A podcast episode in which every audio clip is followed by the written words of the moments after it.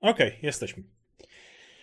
E, no dobra, mamy kolejne, już tradycyjne, poniedziałkowe podsumowanie tygodnia we wtorek. E, więc dzisiaj pogadamy sobie. No, niestety trailera na tą chwilę jeszcze zaglądam. Czekaj, bo może w tym, w tej sekundzie wpadł. Sprawdzam. No nie, nie ma jeszcze trailera e, Thor Love and Thunder. Chociaż możemy sobie pogadać oczywiście o wyglądzie Gora. O, możemy, bo. O wyglądzie Gora dzisiaj pogadamy. Pogadamy sobie trochę o box office, który, który tam się delikatnie coś zmienia. E, więc mamy, mamy parę tematów do omówienia. Pogadamy o chyba zakończeniu Will Smithiady na tą chwilę.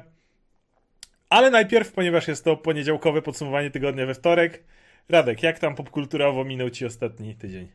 A też to zdrowo, zdrowo. E, ja chcę polecić jedną rzecz, którą widziałem w tym tygodniu w kinie i można ją jeszcze złapać, w sumie nawet nie tylko w kinie. Morbius The Living Vampire z dubbingiem. E, okay, e, ta, nie, nie, a ja widziałem Morbiusa z dubbingiem, więc... Wiem, wiem, wiem, więc to było bardzo dziwne doświadczenie, ale lepsze niż, wydaje mi się, że lepszy leto polski niż e, angielski, ale to swoją drogą. Ale wiesz co, oglądałem Ducha Śniegów. To jest taki dokument, do którego muzykę zrobili Warren Ellis i Nick Cave, ale nie ten Warren Ellis komiksowy, tylko Warren Ellis muzyczny, który jest fantastyczny. On razem z Nickiem Cave'em mają zespół Nick Cave and the Bad Seeds. Y, u mnie w mieszkaniu z Ulą jesteśmy wielkimi fanami Nicka Cave'a i wszystkich jego projektów i to Ula mnie zabrała na ten film. Nie wiedziałem czego się spodziewać. Nie oglądałem zupełnie żadnych trailerów, nic, a to jest dokument o dwóch Francuzach, którzy poszli w tybetańskie góry oglądać zwierzęta, nie? W mhm. dzikiej mm. naturze, nie? Wzięli jak najmniejszy sprzęt, żeby tam nie zakłócać ich tam naturalnych rzeczy, żeby nie wystraszyć, nie? I, i właśnie na tym minimalnym wszystkim kręcili to. E, i oglądali te zwierzęta i wokół tego sobie snuli mm, takie filozoficzne rozważania, nie? O czym, czym jest życie, natura, nie? One czasami były takie dosyć upatologiczne, nie? Ale to nie jest problemem, bo ten film to jest doświadczenie, to jest coś niesamowitego w kinie, a przez następny miesiąc przynajmniej będę się dobrze czuł po tym seansie, nie? bo to było tak uspokajające, tak medytacyjne, tak dobrze zrealizowane i szczególnie, że oni e, tutaj finałem tego ma być odnalezienie pumy śnieżnej, nie? która tam sobie działa w tych górach i ona jest takim wiesz, świętym grałem. Tak, tak, tak, tak, to, to, to wiem. To... To, to jest niesamowite, nie? I jest jak ten moment, że już ją tam, bo wiadomo, że w końcu ona się musi pojawić, bo jest na plakatach i wszędzie, nie? Mhm. To jest tak mistyczne spotkanie i mówię, mogą sobie być Eternals, jakieś, wiesz, historie z bogami z kosmosu, ale ta mistyczna puma spotkana w górach tybetańskich przez dwóch Francuzów, którzy są tym zachwyceni zupełnie i ja jestem zachwycony i Nick Cave w finale śpiewa do tej pumy, nie? Która sobie tam chodzi i zjada jakieś mięsko i po, po, chodzi po tych ośnieżonych górach. W ogóle też ten,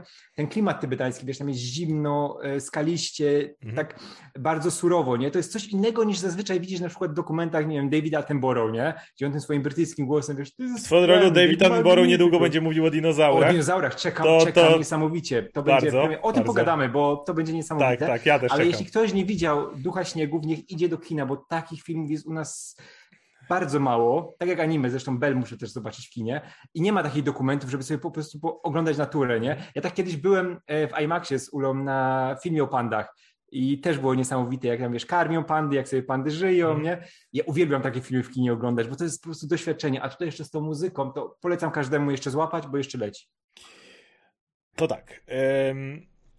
Ja w zeszłym tygodniu powiem o jednej rzeczy, której chcę powiedzieć głównie nadrabiałem e, najnowszy sezon Young Justice, o którym mówiłem, zacząłem mówić wcześniej, bo już tam byłem, jak ostatnio o nim gadałem, to miałem tam dwa epizody czy coś. To w zasadzie obejrzałem 17, czyli jestem na bieżąco. I to jest najlepszy sezon Young Justice, jaki do tej pory wyszedł, a ja bardzo lubię Young Justice.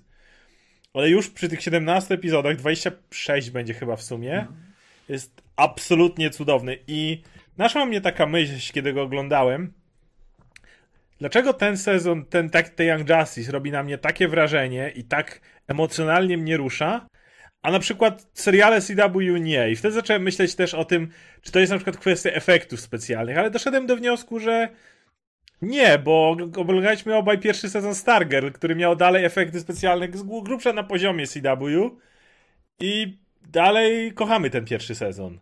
E, i ogląda. Nie wiem, uważam, że wiele scen akcji, wbrew pozorom, w niektórych sezonach Arrow wyglądało super. A mimo tego to dalej nie, nie jest super serial. I doszedłem do wniosku. I ten, ten sezon Young Justice wydaje mi się, że mi odpowiada bardzo na to pytanie.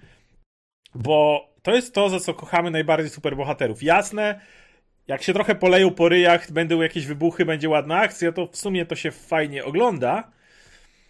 Ale my jakby po co innego ogląda się superbohaterów? My chcemy oglądać tych superbohaterów, z którymi możemy się utożsamić, którzy mają ludzkie problemy, którzy, których i to powinien być klucz, jakby wszystko dookoła powinno być dobudówką, a sednem powinny być rozwój emocjonalny postaci, jakieś uporanie sobie z pewnymi sprawami. Jeżeli odwrócisz tą rzecz, i wydaje mi się, że w przypadku Arrowverse z grubsza tak było, w sensie postacie miały swoje dramy, ale najważniejsze było, żeby pokonać tu tego złego mm. mistera, kogoś tam, nie? I dramy często między postaciami wynikały zwykle z tego, że ktoś komuś czegoś nie mówił. To było na zasadzie zawsze dowiedziałem się czegoś o jego synu, ale nie powiem mu tego, bo wiem, że tak będzie lepiej. Potem wiedziałeś o moim synu i mi tego nie powiedziałeś. Teraz stałeś się moim śmiertelnym wrogiem i w finale rozumiem już, dlaczego nie powiedziałeś mi o moim synu, ale teraz będziemy sobie wszystko mówić do następnego sezonu. I generalnie tak wyglądała większość dram w CW. I teraz robiąc koło do Young Justice, o którym zacząłem mówić, ten sezon Phantoms opiera się na dwóch elementach. Po pierwsze są to relacje rodzinne. Każdy story arc, bo jest ich kilka, opowiada o jednej lub więcej postaci z głównej tej ekipy Young Justice i o ich relacji z jego i ich rodziną z rodzicami bardzo często, może czasem z rodzeństwem i tak dalej, i o tym, jak ona kształtuje twoje życie, jak ona wpływa na twoje bycie superbohaterem, jak to jest ważne. Pierwszy sezon jest na przykład na... Oscar zaspoilował cały Arrowverse właśnie, tak. To dokładnie, bardzo proste do zrobienia. Pierwszy sezon na przykład jest na Marsie i w dużej mierze opiera się na relacji Megan, czyli Miss Martian, która jest białą Marsjanką, a w wersji Young Justice, nie do końca pamiętam jaki jest obecny kanon w komiksach, jest tak, że na Marsie zieloni Marsjanie to jest tak wyższa kasta, a biali to jest ta pogardzana. To są ci, co żyją w slumsach, tylko za kolor skóry. Co jest absurdalne w momencie, kiedy są to zmiennokształtni, ale ponieważ są telepatami, zawsze wykryją, czy zmieniasz kolor skóry te y, zmiennokształtnie, więc nie możesz oszukać. I Megan jest białym, białą Marsjanką, czyli jest tą gorszą, a jej rodzice są z mieszanego małżeństwa, co jest totalnie nie do pomyślenia. Oczywiście ta zielona e, matka została wydziedziczona praktycznie za to, że wyszła dla białego ojca. I, I, jest tam bardzo dużo tych e, relacji właśnie w kwestii rodziny, w tego wszystkiego. Dr drugi e, story arc jest na przykład o Artemis i jej wychowaniu przy Sportsmasterze, który był w przeciwieństwie do tego Sportsmastera, którego widzieliśmy w Stargirl, nie wiem, czy to ten chyba jest bardziej zgodny z komiksem, bo to był skurwysyn, który ją trenował tak na po prostu o, masz złamaną rękę, to dziś poćwiczymy boksowanie jedną ręką. Czy coś takiego. Taki absolutny skurwiel był Crusher. I w relacji jej do jej e, siostry, ale też jest dużo relacji Cassandry do Shivy. W sensie z Battle Family. Cassandry Kane, orfan. E, kolejny story arc teraz był o Kalduranie, o tym Aqualadzie, obecnym Aquamenie, ale też tamtejszym sprawą Atlantydy i też relacją. I jasne, to jest Young Justice, więc jakieś tam walki będą, jakieś specjalne akcje czy coś takiego, ale kluczem jest to, a wiem, nie, i podszedł jeszcze pomiędzy był z Zataną. I tym, jak ona sobie radzi z faktem, że od 10 lat jej ojciec jest zakładnikiem doktora Fejta de facto i mogą się widzieć dokładnie jedną godzinę w roku. No, tak, tak, tak, co jest super. I, i, I kluczem jest to właśnie. A druga rzecz, która jest ważna, no to wielu bohaterów ginie w tym serialu.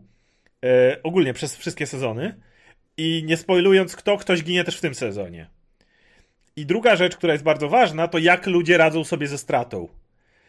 I masz Bizboya, który na przykład bierze non-stop ta tabletki nasenne, żeby się wymeldowywać, żeby non-stop spać.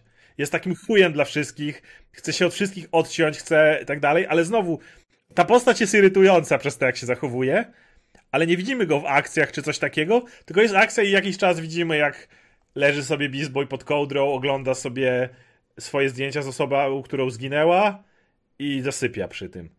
I koniec tej sceny. Nie wracamy do niego, nie musimy cały czas go mieć jak to aktor, który musi cały czas się pojawiać, czy coś takiego.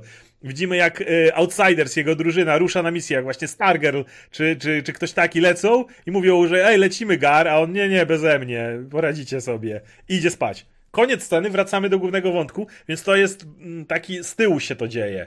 I widzimy, jak sobie pewne osoby radzą, jak na przykład właśnie Artemis chce połatać rzeczy z siostrą, bo widzi, że życie jest kruche, traci ludzi wokół siebie, więc nie ma stracić czasu.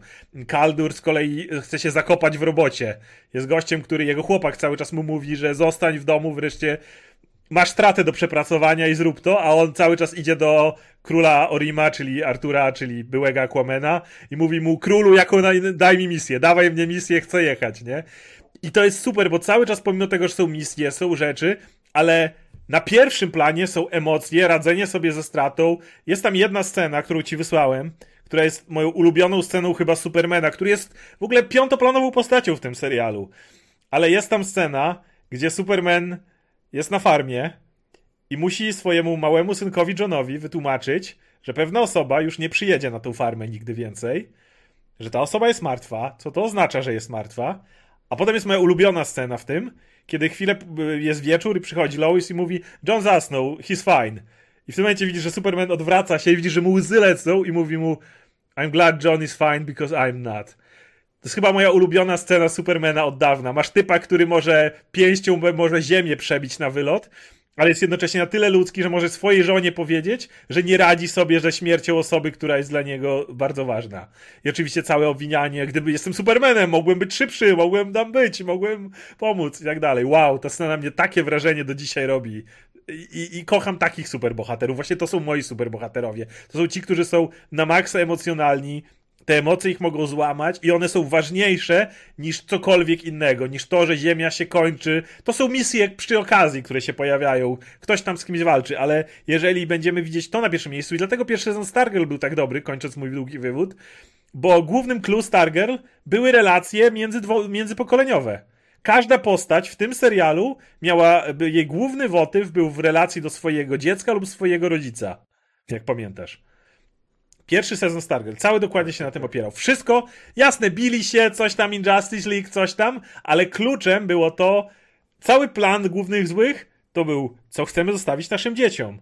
Cały plan yy, młodych był, jak podchodzimy do naszych rodziców, czy chcemy. Wszystko było. Główna bohaterka, która nie ma tego powiązania z ojcem, chociaż powinna mieć, bo ma fantastycznego ojca.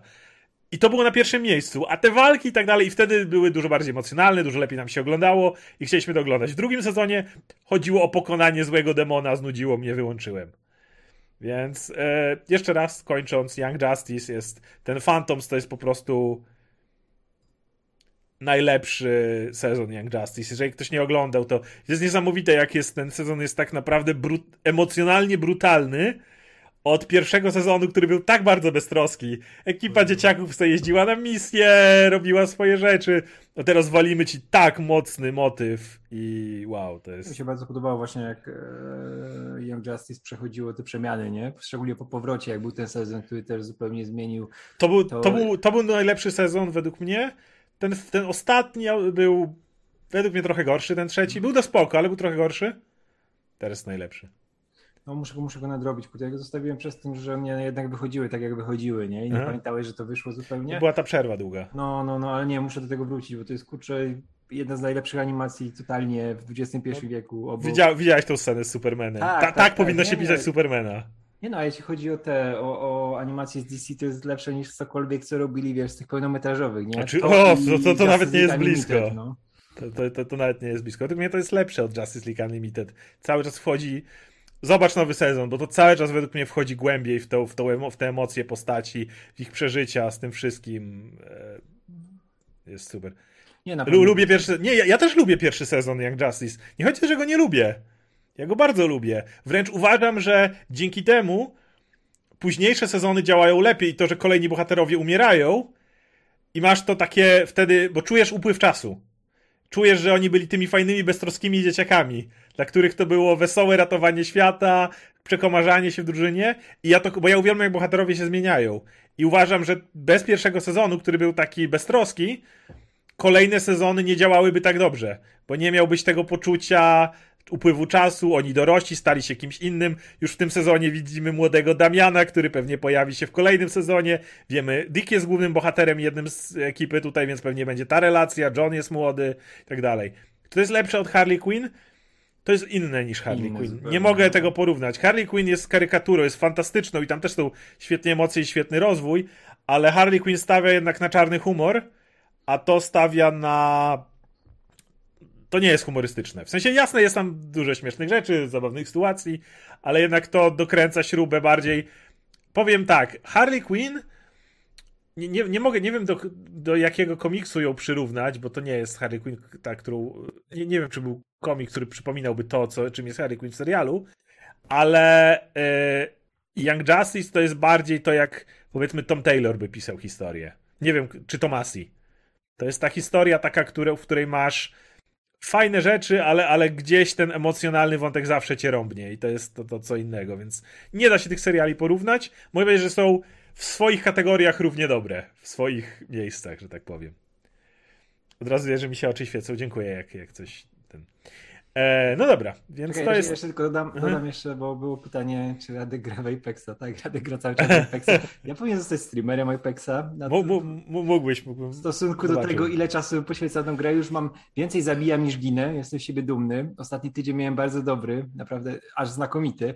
I jest aktualizacja dokładnie za 40 minut, więc e, o, nie mogę się już doczekać. Wczoraj, jak... wczoraj wyszedł e, pierwszy major patch do dodatku do Finala, który wyszedł w grudniu.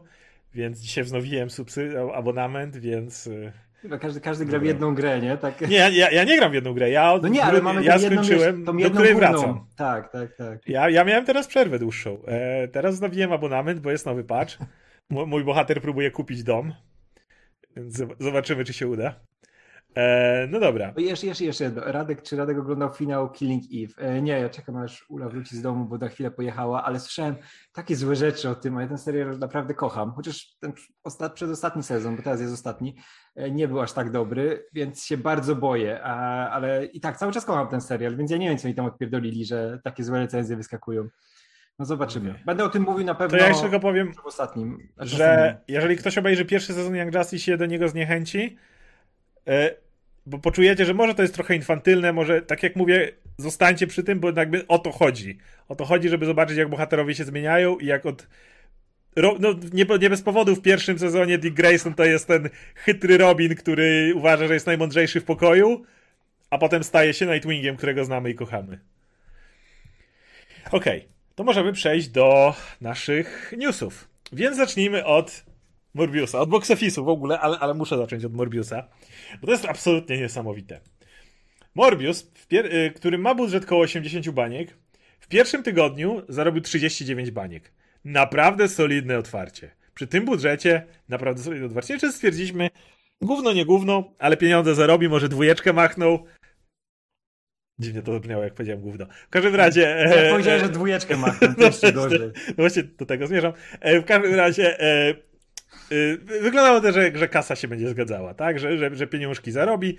Jeżeli w pierwszym, po pierwszym tygodniu miał ze świata 80 baniek z hakiem, to myślisz na luzie, to już jeszcze drugie tyle zebrać w parę tygodni wyświetlania da radę. I mamy drugi weekend i patrzę w tym momencie na Box Office Mojo. Spadek pomiędzy weekendem pierwszym, a weekendem drugim wynosił prawie 74%.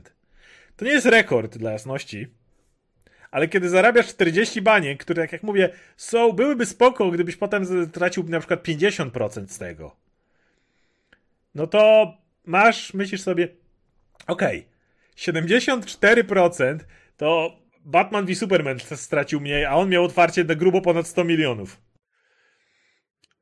Więc nagle patrzysz na zarobek i obecnie Morbius po drugim weekendzie ma 126 milionów na koncie. Ten film potrzebuje w pirazy drzwi. Miał, miał, miał dość intensywną kampanię reklamową, trzeba przyznać. Z tymi wszystkimi banerami, z Morbiusem wyłażącym i tak dalej. Był przesuwany, co na pewno odbija się na kosztach, jak dobrze wiemy, po Jamesie Bondzie, który ostatni zarobił w chuj pieniędzy, a się potem okazało, że nie, nie, nie zarobił e, wcale pieniędzy. Więc nawet gdyby nie liczyć tych rzeczy, które na pewno pompują budżet Morbiusa, to ten film potrzebuje około 160 baniek, żeby wyjść na zero. Co jeszcze tydzień temu wydawało się easy.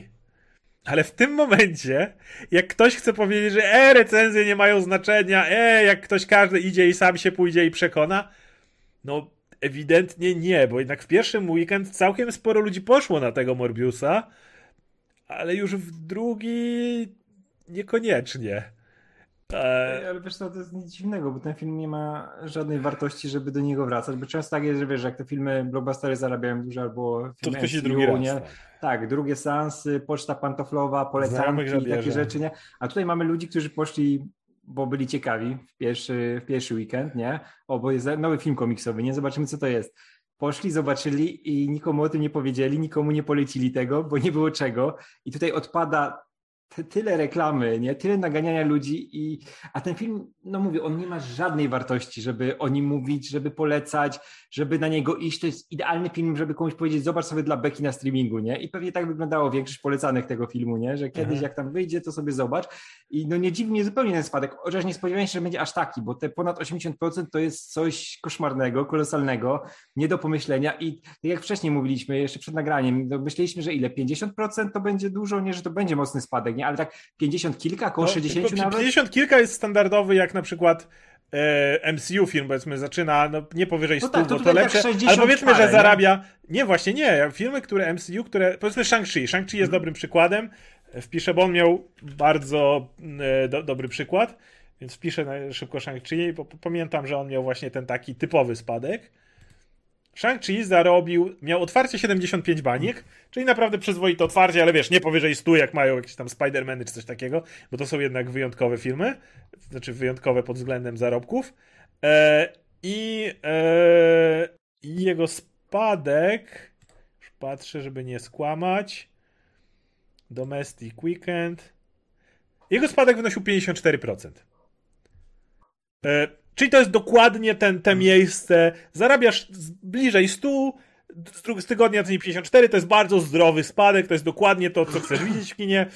Zdajesz sobie sprawę wtedy, że twój film, jeżeli jest blockbusterem, który kosztuje dużo pieniędzy, to zarobisz duże pieniądze. No i ostatecznie Shang-Chi zebrał 432 miliony na świecie z 224 w samych Stanach. To jest dokładnie to, co chcesz widzieć. Jeżeli widzisz ponad to, no to wtedy jest Endgame, to wtedy jest Spider-Man, y, ten No Way Home i wszystkie tego typu filmy, które zarabiają więcej. Y, ale, ale, ale to jest, Shang-Chi to jest taki tego typu przykład tego, tego filmu, który cieszysz się, że tyle zarobił, wyszedł i, i jest spoko. Natomiast kiedy masz 73%, to to nawet wszyscy patrzą na to dziwnie, kiedy film ci zarobi ponad 100%, bo to oznacza, że zrobiłeś pewnie dobrą kampanię reklamową, ale kto miał zobaczyć, to już zobaczył. No. Kiedy twój film zarobił 40 baniek, to możesz się cieszyć przy, przy budżecie 80 baniek, ale nie kiedy masz spadek 74%. I w tym momencie jest to prawdopodobne, bo jeżeli miał taki spadek tak szybko, to mówmy się, ile on będzie zarabiał w kolejnych tygodniach. E, jak patrzyłem pamiętam, na Batmana i on miał ładne otwarcie, ale widziałeś jak z tygodnia na tydzień Batman ładne pieniądze przynosił. Ludzie wracali, tak jak mówisz, szli drugi raz, zabierali znajomych i było widać po Batmanie, że Batman sobie ładnie będzie zarabiał przez kolejne. Batman ma w tym momencie 736 milionów yy, na, na koncie. I sobie ładnie zarabiał, ale przy, przy Morbiusie powiem tak, nie mówię, że to się stanie, ale jeżeli teraz się okaże, że Morbius będzie jednak klapą finansową, to tydzień temu bym nie pomyślał, a teraz bym się nie zdziwił. Wiesz, ja nie wiem, kto by miał iść w trzecim tygodniu, żeby podbić kto, te wyniki. Kto jeszcze nie? pójdzie właśnie W drugim to. tygodniu idą ci ludzie, którzy zobaczą recenzję, którzy posłuchają znajomych, którzy byli na filmie i wtedy oni idą, nie? Jeśli nie poszli, bo mamy taki spadek, no to, tak. to kto pójdzie później? W trzecim tygodniu, nie? To już zupełnie tak. nie ma co poskakiwać nawet, nie? No ale tak jak mówię, no ten film to jest po prostu porażka. A tutaj jeszcze mi się ten, e, podoba ten komentarz że prawicowcy, prawicowe media chwaliły ten film za to, że nie ma elementów nie ma. walk i tych, tak. tych wszystkich wiesz, związanych no, z tym, że jest taki, jaki powinien być. Kurde, ten film jest tak queerowy. I wątek złoczyńcy bohatera jest... No, oni są dosłownie e, tymi, tutaj jak było też na czacie, roommates w pewnym momencie i no nie, no tam jest wątek queerowy. Jak ktoś go nie widzi, to bardzo chce go nie widzieć. No, jest, jeszcze jesteśmy przy box office, no to e, jest inny blockbuster, który wszedł do kin co prawda nie w Polsce jeszcze, ale, ale w Stanach, który no też yy, ładnie wszedł, bo jest to Sonic 2. I Sonic 2 miał bardzo ładne otwarcie, prawie jak Shang-Chi, 72 bańki otwarcia. Więc e, to też jest film, który, na który ewidentnie ludzie, jeżeli chcą pójść na rozrywkę do kina, to będą iść na to. Bo to nie jest jednak film, tylko to nie, to nie jest tylko kino familijne. To jest, to jest, to jest prawilny blockbuster, powiedzmy, który, który, ludzie będą chcieli zobaczyć. Tym bardziej, że Sonic pierwszy miał dobre recenzje, robił dużo pieniędzy, więc też nic dziwnego, że drugi Sonic będzie e, zgarnie pieniądz. I otwarcie ma dobre, recenzje ma w porządku, nowy Sonic, więc e, na tym etapie jeżeli ktoś ma pójść, no to, to nie ma po co. No, to jeszcze, jeszcze skoro jesteśmy przy Block Office, to też warto wspomnieć, że e, Lo, Lo, The Lost City, którego muszę zobaczyć budżet, które wiem, że miało cały, naprawdę niski budżet. E, w każdym razie miało do, dobre otwarcie, e, ale e, jeszcze nie otworzyło się na wielu e, międzynarodowych e, tych rynkach. Więc z samego kraju ten film już zgarnął, z samego USA już prawie 70 baniek. To jest ta komedia z Sandra Bullock i Channingiem Tatumem, którego Muszę zobaczyć, w ogóle to jest do, dobry rok, bardzo dobry rok dla Channinga Tatuma i jego komedii, bo i to zarobiło, i pies zarobił. Widziałem psa, poleciłeś mi, zobaczyłem psa.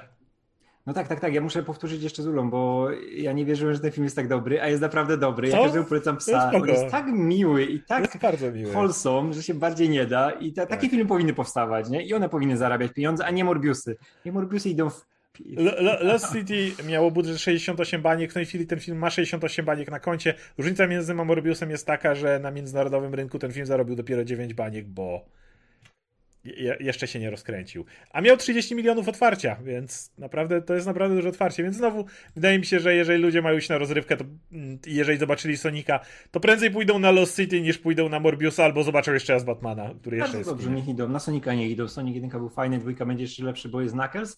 A tutaj jeszcze dodam, Pod że... którego podkłada Idris Elba głos, prawda? Oczywiście i będzie super. A tutaj jeszcze dodam, bo Kasiura pisze, Morbius jest bardziej gay niż Sekrety Dumbledora. Tak, bo Sekrety Dumbledora no właśnie, to chciałeś też wycho- powiedzieć. Tak, Sekrety Dumbledora wychodzą w kinach i to jest kasus totalnie e, ostatnich Gwiezdnych Wojen, gdzie też był wątek... W kinach, tak? Tak, tak, tak. Gdzie też był wątek queerowy, gdy film wychodził w kinach, można go łatwo wyciąć, bo w tle się... Jedno cięcie. Tak, tak, de...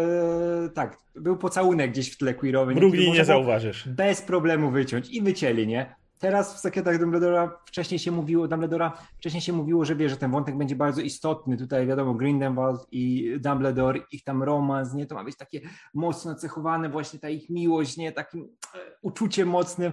Podobno jest tego 6 sekund, które też wycięli i film może iść w Chiny i nikt tego nie I tutaj, co by, nie to co by nie mówić o Eternals, którego w Chinach nie było, trzeba przyznać, że w Eternals 6 sekund by nie wystarczyło, żeby tam zaorać ten wątek. Bo to był no wątek nie, nie, jednak nie, całej był... postaci, jednej, jasne, jednej z wielu, ale musiałbyś naprawdę rypnąć tą postać, żeby, żeby no. nie było. Trzeba przyznać, że tam nie, nie, nie, nie obetniesz tego wątku. No. Tylko wiesz, tam, tam ukryli to pod sceną e, seksu normalną, które było jedno z najgorszych, jaką widziałem w historii kina. No tak, ale jednocześnie co mógłbyś wyciąć pocałunek Fastosa, ale tak, dalej tak. nie wytniesz motywu, w którym on wychowuje z drugim facetem no nie, nie, nie, syna. To, to jest to, to nie, nie do zrobienia. Duży, duży plus tego, nie? Że, tam nie utniesz. Że nie było to załatwienie pod rynek chiński. Ja wiedziałem, wiedziałem, że Warner Bros. to zrobi w taki sposób i tak do tego Dumbledora nie chcę się iść i chyba nie pójdę. Ja w ogóle tego poprzedniego filmu nie zobaczyłem do końca. Nie zobaczyłem ostatnich 10 minut. Nie wiem, jak ten film się skończył skończył, bo powiedziałem, chuj z nim, idę, idę, przerywam seans i już nie chcę tego oglądać, bo to jest gówno straszne. Nienawidzę tej serii. Ja, no, jeszcze, jeszcze... ja, ja słyszałem same złe rzeczy o tym nowym filmie, ale no ja odpadłem z Harry'ego Pottera na czwartej części, więc ja nie jestem tak bardzo Harry Potterowy. Współczuję wszystkim fanom tego świata, że wam za zażynają markę, ja, natomiast no to nie ja jest moja ja marka. Ja jestem Harry Potterowy i ja chcę zobaczyć Judah Law jako Dumbledore'a, bo to super. I szczególnie, że słyszałem, że Mikkelsen jest dużo lepszy niż Johnny Depp jako, jako Grindelwald ale nadal ta seria nie potrzebuje dwóch kolejnych filmów. I nawet nie wiem, co jest w tym nowym filmie, ale jestem pewien, że nie ma tam tyle materiału, żeby z tego robić jeszcze dwa kolejne filmy. O matko, bo ten już i jedynka, i dwójka były tak męczące i tak niepotrzebne i wow. No. Ale i tak pójdę do kina, bo to Harry Potter, kur... Tylko jeszcze powiem, że Rowling, e, Rowling nie ma nic wspólnego z tym filmem poza tym, że stworzyła świat. Od, ogólnie od Rowling się odcinają wszyscy, którzy robią cokolwiek w jej świecie teraz. I nawet e, gra ta nowa, co wychodzi, jak się nazywa? Ha, Hogwart an, an, e, Coś tam, coś tam, tak, tak, tak. Ta, ta nowa gra w Hogwarcie, no. to tam wielkimi literami widziałem J.K. Rowling nie pracuje przy tym, nie, nie ma nic, nie w żaden sposób nie brała udziału w żadnym tworzeniu tego, tego tworu, więc tak, tam się mocno odcinają. W każdym razie. E, mamy na. E, musimy powiedzieć o czymś, skoro jest to w, te, w tytule. Ale mogę, mogę jeszcze, jak jesteśmy przy Morbiusie, muszę jeszcze jedno no, no dalej, e, bo tutaj wspomniane było o tym metod actingu i to jest cudowna sprawa, jak znowu metod acting e, e tego Jared Leto wyszedł przy tym filmie. Tak samo jak był metod acting przy Suicide Squad, gdzie on tam grając Jokera chciał pokazać, jaki jest szalony, to wysyłał ekipie kondomy na przykład, albo coś takiego, tak, nie? Tak, tak. Kurde. Ostatnio jest spora nagonka tutaj mówisz, że e, Rowling. Okej, okay, jeżeli miała coś wspólnego więcej z zwierzętami, to nie wiem. Wiem, że odcinają się od niej teraz przy grze. To jeżeli wprowadziłem błąd, to przepraszam. Bo, e, bo w, przy grze już się od niej odcinają. Ale maczetami Rowling. E, Rowling maczetami, tak. Więc jeśli, jeśli chodzi o filmy, to, to, to przepraszam, natomiast Warner się w tym momencie od niej odcina przy grze. To dokończysz tego, lo, e, tego nie, Judah Law chciałem powiedzieć. E, e, Jared Leto. Teraz też pracując przy Morbiusie, wszedł w swój tryb metod actingu Stanisławski, Marlon Brando dzisiejszego kina i on tam chodzi o kulach, nie, na początku, zanim się zmienił Morbiusa. I on też na planie chodził o kulach. Tylko wiesz, jak ktoś chodzi o kulach, bo musi chodzić o kulach, tak, to porusza się szybko, umie to tak. robić, nie? I niweluje swoje, wiesz, te niedogodności z tym związane, nie? Bo się musi nauczyć chodzić normalnie praktycznie, nie tylko że o kulach. Jared dlatego nie potrafił, wszystko robił wolno. Nawet jak do kibla szedł, to szedł pół godziny, nie? Bo nie potrafi tego robić, nie? Wiesz, to jest jak karykatura człowieka, który naprawdę ma problemy i musi chodzić o kulach. Więc w pewnym momencie kupili mu po prostu wózek, żeby do tego kibla jeździł, żeby nie tracić czasu, nie? Ja mówię, to nie jest metod acting, to jest idiotyzm. On, wiesz, ale on nie, nie wszedł w umysł tej postaci, nie próbował się dowiedzieć, jak postać tak. o kulach musi się poruszać, żeby to było... tylko on po prostu, kurwa, będę chodził o kulach, bo moja postać chodzi o kulach, nie? Jared, kurwa. E, ostatnio jest spora nagonka na metod acting w ogóle. Jest sporo aktorów, którzy się bardzo negatywnie wypowiada o metod no, tak, acting. Tak, tak. Matt Mikkelsen jest jeden z tych aktorów który mówił o tym, że metod acting się i generalnie on nie, nie, nie uznaje tego. Ostatnio grający w Guardians of the Galaxy jak będzie Adamem Warlockiem, Will Poulter mówił, że metod acting się e, i generalnie ja się z tym zgadzam.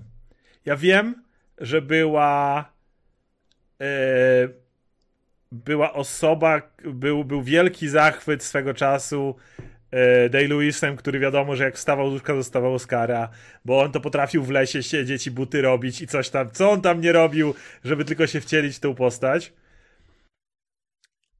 Ale ja się zgadzam właśnie z tymi, których wymieniłem aktorami, że to jest absolutnie kijowa rzecz, nie tylko dla ciebie, ale dla wszystkich wokół ciebie. Mhm.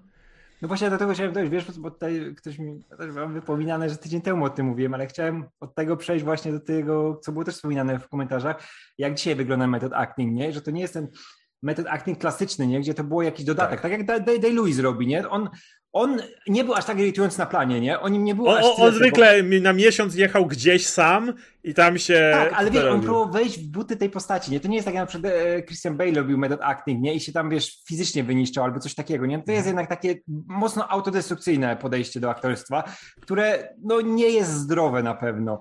E, czy tak jak to co to też Jared Leto robi, gdzie on zupełnie nie ma pojęcia, jak wygląda metod mhm. acting, nie? Ale wiemy też, że no, klasycznie w historii też mieliśmy przykłady tego i to wiesz, u bardzo dobrych aktorów, którzy potrafili z tego zrobić piekło, nie? Jak na no. przykład Marlon Brando, który był jednym z największych wyznawców metody Stanisławskiego, tak. a który doprowadził do takich nadużyć, no przecież te wszystkie rzeczy na przykład na planie ostatniego tanga w Paryżu, Właśnie... gdzie praktycznie doszło do gwałtu, nie? No. I, I, dużym problemem jest to, co, o czym tu Konrad Pieczak napisał, że metod acting jest chyba dalej lubiany przez prasę. Tak, nie tylko przez prasę, ale przez akademię. Tak, ono jest, wiesz, wybijane na ten poziom wielkiego kina. Wielkiego to Matt Mikkelsen w wywiadzie dla Variety, który mam otwarty, właśnie mówi, yy, mówi wprost, it's bullshit, jak, jak go pytają.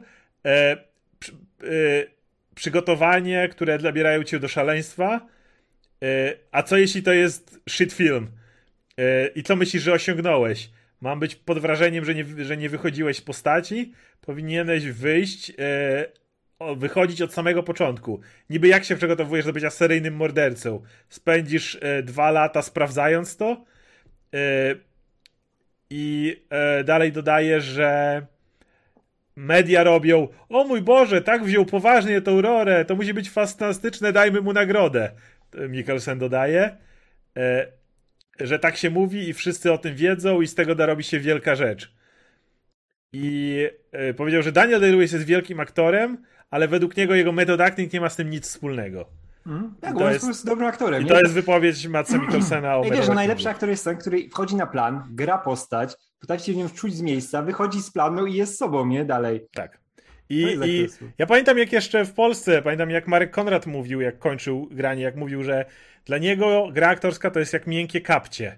Ale jak kończysz, wychodzisz, schodzisz z planu, to wychodzisz z tych kapci. Kapcie zostawiasz na planie.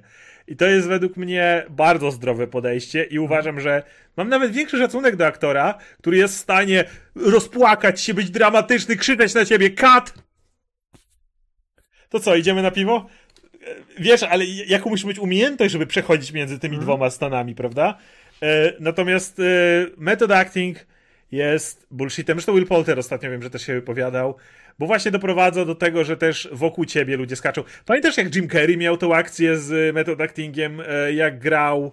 Może kogo on grał, żeby e, nie wyleciało mi. E, w tym, e, w Człowieku z Księżyca? W Księżycu z Księżyca. I, tak. i wrę, że wręcz powstał, miał nie, nie, wiem czy już powstał, miał powstać film o tym, jak on grał i jak bardzo mu to życie. Powstał, powstał, tak, powstał tak, jak mu to na psychę wchodziło.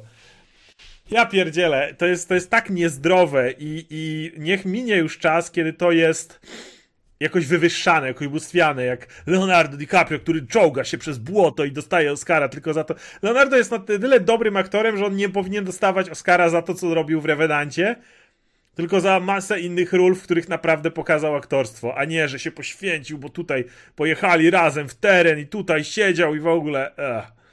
Więc pe pe pełna zgoda. Skoro jesteśmy przy.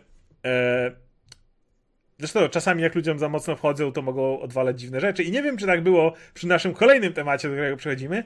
Czyli kończy się Will Smith jada. Ostatecznie zapadł wyrok Akademii, nazwijmy to. I Will Smith... A tutaj czekaj, jedna rzecz, sorry, że cię przerywam, ale Dajesz. Szymon, przypomina mój post o Dustinie Hoffmanie i to było o e, e, e, e Lorenzie Oliwierze, nie? I to jest z planu maratończyka. I tam było, że jak kręcili maratończyka, e, to Dustin Hoffman cały czas biegał, nie? Bo on tam gra tego gościa, który tam później trafia do tego nacisowskiego E, dentysty, nie? Ale jest maratończykiem i cały czas biegał, nie? I całe, i ca, całe to zdarzenie, to bieganie obserwował Lorenz Olivier, nie? I w końcu nie wytrzymał i zapytał Hoffmana, co on odpierdala, nie? A Dustin Hoffman mówi, no przecież gram ma, maratończyka, nie? No chce być wiarygodny, dlatego chce się zmęczyć, spocić, biegam, nie? A tak Olivier na niego patrzy a nie możesz tego po prostu zagrać? to jest cała prawda o tym. To jest, to jest, to jest wszystko, co trzeba wiedzieć. No właśnie, ale mm, przejdę do Willa Smitha. Możemy później już powiedzieć o, o, o metodach actingu. E, I Will Smith na 10 lat zostaje zbanowany ze wszystkich wydarzeń Akademii, wliczając oczywiście Oscary. Te, technicznie rzecz biorąc, nie jest to napisane, że nie może być brany pod uwagę. Znowu patrzę na e, Variety. O czym wiem, że miała być rozmowa, e, że technicznie może być dalej brany pod uwagę co do Oscarów, ale nigdy nie mógłby go odebrać. E, chociaż myślę, że to cały czas się odbije tym, że wiele filmów, które myślało o tym, żeby zatrudnić Willa, jeżeli myślą o nagrodach, to tego nie zrobią. To jest naj, naj, naj, naj, najdłuższa ustawka w historii Hollywood. Będzie. To, ale no, no, to jest ta ustawka, która ciągle trwa, prawda? To co przecież to było ustawione. No. Teraz na 10 lat się ustawili. E, w każdym razie to są, kurde, no, te takie. Na, na, na, wielu aktorów właśnie w tym czasie potrafi najwięcej nagród zgarnąć. Will Smith ma 53 lata. Czyli do 60, do, praktycznie, jasne, może być brany pod uwagę, ale będzie mu w chuj trudniej. E, więc na dobrą sprawę do 63 lat będzie wyłączony z tego. No, a to są totalnie najlepsze lata. To są najlepsze lata. On, on, już, on, to był ten rok teraz, jak zagrał e, King, no, King, Jak King wyszedł po, za pięćdziesiątkę, tak, nie? Już zaczął. Kiedy wyszedł poza pięćdziesiątkę, to jest ta jego, wiesz, pierwsza naprawdę wielka rola, bo on wcześniej miał... No, no próbował przy Concussion, ale nie wyszło. Próbował, próbował, ale to była ta pierwsza na przełamanie, nie? Oscar od razu, nie? Ta wielka rola i teraz by się posypały propozycje, żeby grał, uwierzył tych wielkich reżyserów, porządne role, a tutaj zaorane, no. Michael Bay powiedział, że go przyjmie do filmu, więc no, może Michael to Bay może go przyjmie. Ja nie, nie, nikt też nie twierdzi, że Willa nie zobaczymy w tych filmach e, no, przez te 10 lat. Pewnie, że będzie grał. Nie, no będzie grał, będzie grał. Ale, ale, te, ale ambitne kino już trochę, trochę... Tak, bo to jest utrudnienie dla studia, nie? One nie zarabiają tak. na tych filmach jakichś kokosów. Dla nich się liczy to, żeby aktor jeździł po festiwalach, tak. pokazy, reklamował A jest kontrowersyjny. Tak, a jak ma się nie pokazać na gali, bo ciągniesz za nim to, co się ciągnie, nie wystąpi, jeśli dostanie Oscara, nie wyjdzie, tak i nie odbierze tej statuetki. Nie podziękuję producentom, nie podziękuję reżyserom, nie podziękuję. No, nie popłacze się, nie powie, że kocha mamę, tatę, Boga i pana producenta. Tak. No. Więc y, czy to jest zasadna na, y, kara? Nie wiem. To powin, powinna być głośna kara. Powinna być na tyle głośna kara, żeby nikt nigdy więcej nie próbował takiego gówna odpierdalać, więc. Ja bym mu tam dał futkę, żeby mógł to jakoś odpracować, przepracować coś w tym stylu, nie? Ale to, to Jakby góra, za, za, zawsze lubimy Redemption Story, więc no. wszystko może się wydarzyć, nie? Tak samo pytanie brzmi, jak cały czas jest wielkie pytanie, co dzieje się z Ezra Millerem. W sensie, jaki będzie z niego, jaka będzie zjawa wobec niego, bo na razie Warner wiemy, że odsuwa go od wszystkich projektów przyszłych. E, no, zwierzęta już poszły, gdzie on gra jednak rolę pewną. No ale cały czas mają, będą mieli problem z Flashem. Flash jest dopiero za rok, dzięki tym przesunięciom, które robili. Najlepsze, że oni go przesunęli zanim on odpierdolił. Przez przesunięcia. I moje pytanie brzmi do, do, do ciebie i też do naszych widzów. Jak wszyscy myślicie, co Warner zrobi w tej sytuacji? Bo opcji jest kilka. Opcja pierwsza, nakręcenie od nowa scen, gdzie on gra nawet nie jedną, a kilka ról. W filmie, którym jest głównym bohaterem, to jest praktycznie kręcenie filmu od nowa, który już jest nakręcony. To jest wydatek rzędu setek milionów. Nie wydaje mi się. O żadnym zastępowaniu CGI czy coś takiego raczej ciężko mówić. Pamiętaj, że mówimy o filmie, który zmieniał reżyserów kupy razy. Który zmieniał reżyserów, sam miał jest tyle władowane w ten film, że im się nie opłaca tego robić. Więc jaka, jak uważasz, co Warner Bros bo ja powiem, za chwilę powiem, jakie jest moje zdanie, ale co Warner zrobi z Ezra Millerem? Przede wszystkim w kontekście Flasha, którego no, muszą wypuścić. Co prawda za rok, ale muszą. Nie dostanie na pewno następnego filmu, nie będzie na pewno w żadnym Justice League On jest za bardzo już toksyczną postacią, której nie można. On nie dostanie też swojego Redemption Arc i niczego takiego. Więc wydaje mi się, że go zastąpią. Mogą przerobić jakąś końcówkę. Wydaje mi się, że mogą wprowadzić, jak już mamy multiversum, co otwiera furtki bardzo łatwe do zmiany postaci. A też patrząc na lore e, Flasha, można wprowadzić spokojnie Ulego Westa albo kogoś innego, kto może go zastąpić. Więc tutaj naprawdę można. Tutaj akurat e, Warner Bros. jest, ma ten dupochron w postaci tego, że otwierają to multiversum, nie? I mogą się pobawić tym, że mogą zostawić Flasha, ale to nie musi być Barry Allen, nie? Mhm. Więc mi się wydaje, że pójdą w tą stronę. Nawet nie rekaz. Mi się wydaje, że oni nawet nie będą, żeby Barego dalej, wiesz, ciągnąć, bo to też by było kłopotliwe. Myślę, że tak, ale cały czas jest jedna opcja w przypadku Warnera, która jest dużo tańsza niż działanie cokolwiek innego. Mianowicie, jak mają rok, a umówmy się, publika kocha przebaczać. Wyobraź sobie, że w ciągu tego roku e, Ezra Miller wystosowałby oświadczenie, że chodzi na jakąś terapię, że trzyma się z daleka od alkoholu, bo to ewidentnie był zawsze problem z tym. I że nie był sobą, że pandemia na niego źle wpłynęła i tak dalej, i tak dalej. Wydaje mi się, że Warner, ale musieliby zacząć to robić już. Ale wydaje mi się, że do premiery Flasha są w stanie ten wizerunek Ezry odratować. Nie na tyle, żeby go kontynuować, bo to jest dalej zbyt ryzykowne, ale na tyle, żeby ten film sprzedać tak, i jeszcze. W tym jednym we Flashu, to tak, mogą go reklamować. Jeszcze... Chodzi o to, żeby, mu, żeby, go, żeby dało się jeszcze na te junkety wypchnąć. Mm. Bo to jest zawsze kłopotliwe dla studia, kiedy wychodzi nowy film, a gwiazda twojego filmu nie może odpowiadać na pytania dziennikarzy. Nie chcesz tej sytuacji. Więc... Tak, wiesz, szczególnie, że oni go jeszcze muszą trzymać, bo on gra też w fantastycznych zwierzętach. No, nie, wiem, nie wiem, jak jest po Nie, nie, nie będzie w kolejnych częściach. To, to, to, to myślę, że, że akurat na kolejnych e, części to się go pozbędą, ale cały czas muszę jakoś wypromować ten film. I wydaje mi się, że najtańszą opcją. Ale pytanie brzmi, czy Ezra Miller to zrobi?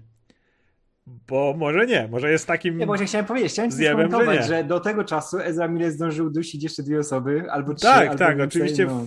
wtedy, wtedy mają przejebane. Natomiast wydaje mi się, że Warner cały czas za relatywnie małe pieniądze byłoby, ma, byłoby w stanie w rok jeszcze odratować go jako typa, który poszedł na terapię.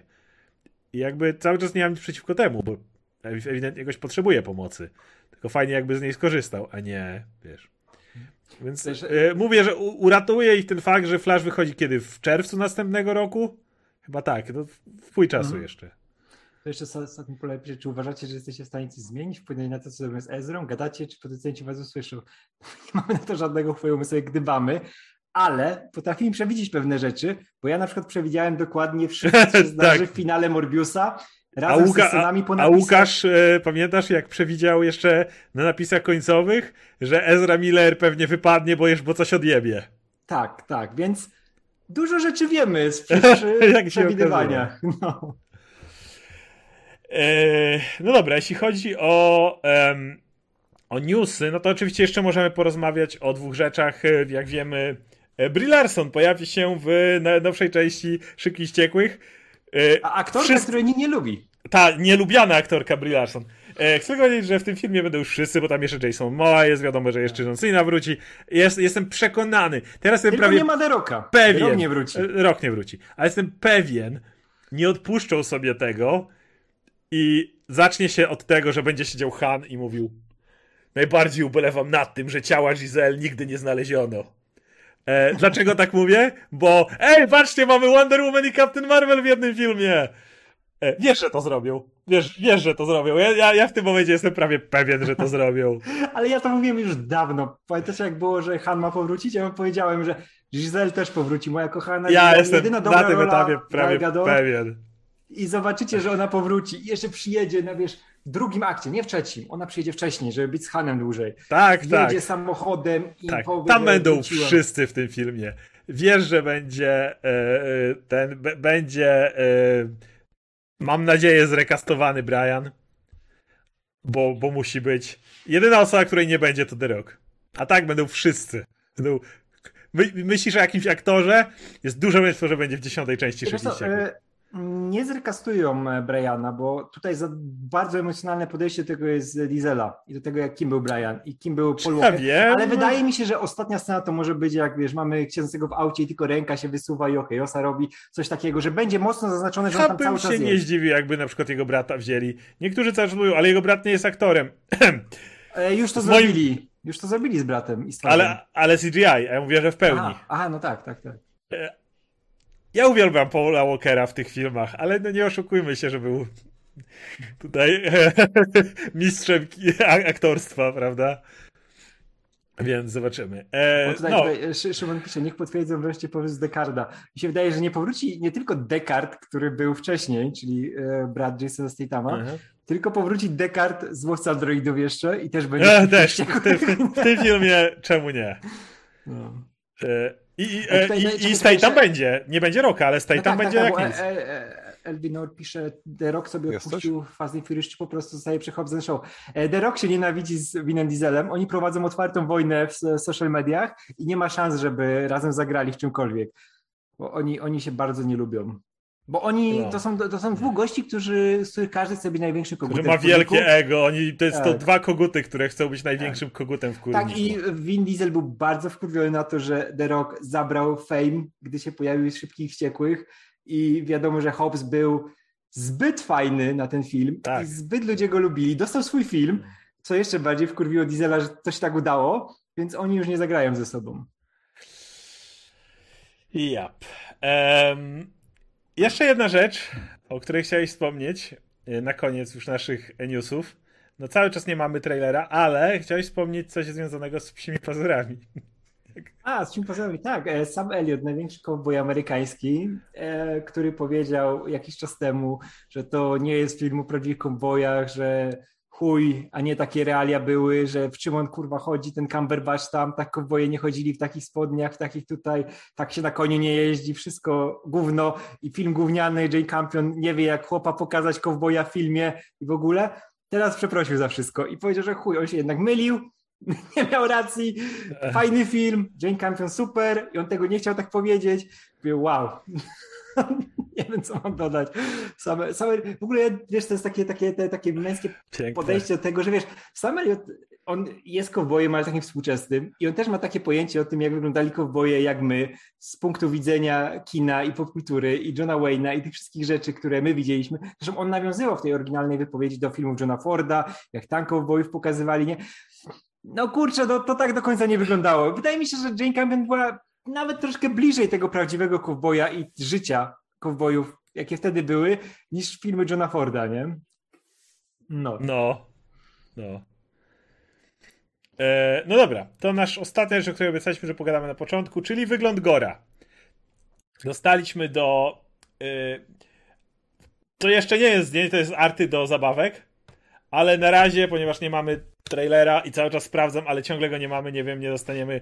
Niektórzy śmieją, że będzie trailer będzie puszczany przed filmem e, w kinach. E, no dostaliśmy arty tego, jak wyglądają niektóre postaci.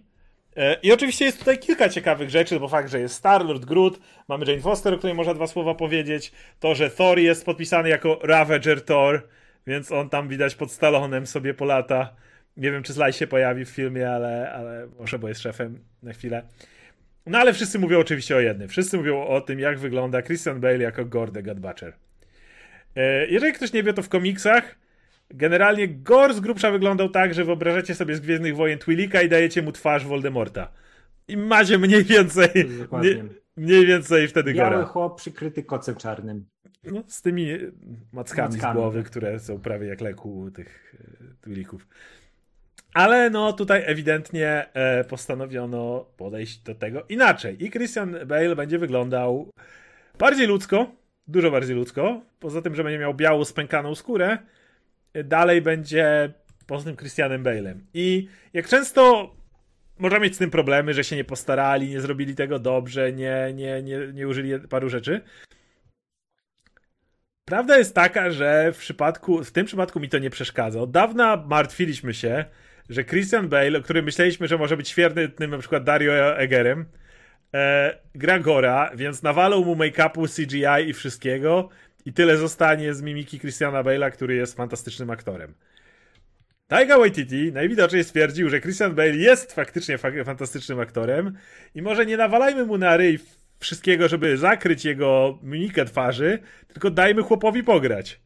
A wiemy, że Gordy Godbutcher potrzebuje konkretnych scen bardzo, kiedy, jeżeli zachowają część z komiksu, kiedy na przykład umiera jego rodzina, kiedy widzi Boga leżącego na ziemi, kiedy wygłasza swoją tyradę o tym, czym są bogowie i tak dalej. Wszystkie te rzeczy można naprawdę podkręcić, jeżeli pan aktor je dobrze wyciągnie. I Christian Bale jest świetnym wyborem do tego. I jeżeli mam być szczery, to bardzo się cieszę, że poszli tą drogą.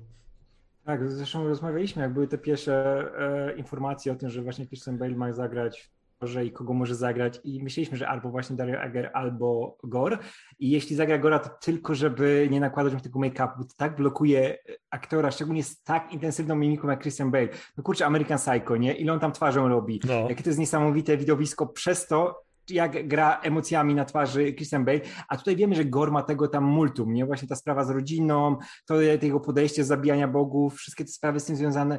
Ja tak bardzo chciałem, żeby Christian Bale jak najbardziej przypomniał Christian Bale'a, bo on już ma tą twarz, która jest intensywna, jest przerażająca, nie? I w połączeniu z taką postacią to jest super. Plus wiesz to, jeśli chodzi Czekaj, o... Czekaj, tylko tu ludzie piszą, że Voldemort miał świetną mimikę. Ja widziałem większość scen z Voldemortem Prawda jest taka, że ja, nie, ja uważam, że oczywiście Fiennes jest jednym z najlepszych tak, e, tak, tak, aktorów ale, ever, ale przecież. Voldemort przez większość czasu robił nie, tak. nie, nie, nie. I to jest najgorsze, że właśnie... To, to nie jest tak, że on miał wiele do grania. Ale ten brak nosa, który też ci blokuje mimikę, nie? On tak, tak go zatrzymywał w takim, wiesz, takim bezruchu tutaj no, Właśnie z całym szacunkiem, ale też on nie miał wielkich intensywnych takich y, rzeczy, jak mamy nadzieję, że Gor może mieć. Tak, Voldemort tak, był zły, a Gor, Gor ma wiele słuszności, on wiele wycierpiał, ma wiele rzeczy. Voldemort jest typowym bad guyem i tak, pojawia się to, jako typowy tak, bad tak guy. Tak samo było z tym, z Ecclestonem, jak grał Malekitek, że mu tam te prostytyki, wiesz, i make-upu nawalili i też miał trudności z tym, żeby coś twarzą pokazać, nie? Bo to jest trudne w tym momencie. I tutaj widzisz, że no, masz Christiana Bale'a, daj mu pograć twarzą, nie? I plus ja lubię cały ten design, bo nie dość, że wiemy, że nie ma tego czarnego płaszcza, tego nakrycia, ale to może być powiązane z Necroswordem, jak on będzie reagował na niego, może to w czasie filmu się zmieni, że tak. dopiero w, trzecim akcie albo w drugim dostanie ten płaszcz. To jest nieważne. To, to, to, to, że on jest cały biały, to jest taka fajna przeciwwaga do tego, że Thor będzie miał tę zbroję kolorową, że ogólnie ma te kolorowe kostiumy, nie? że widać, że oni są z zupełnie innej bajki, inne wychowanie, nie? inne przeżycia.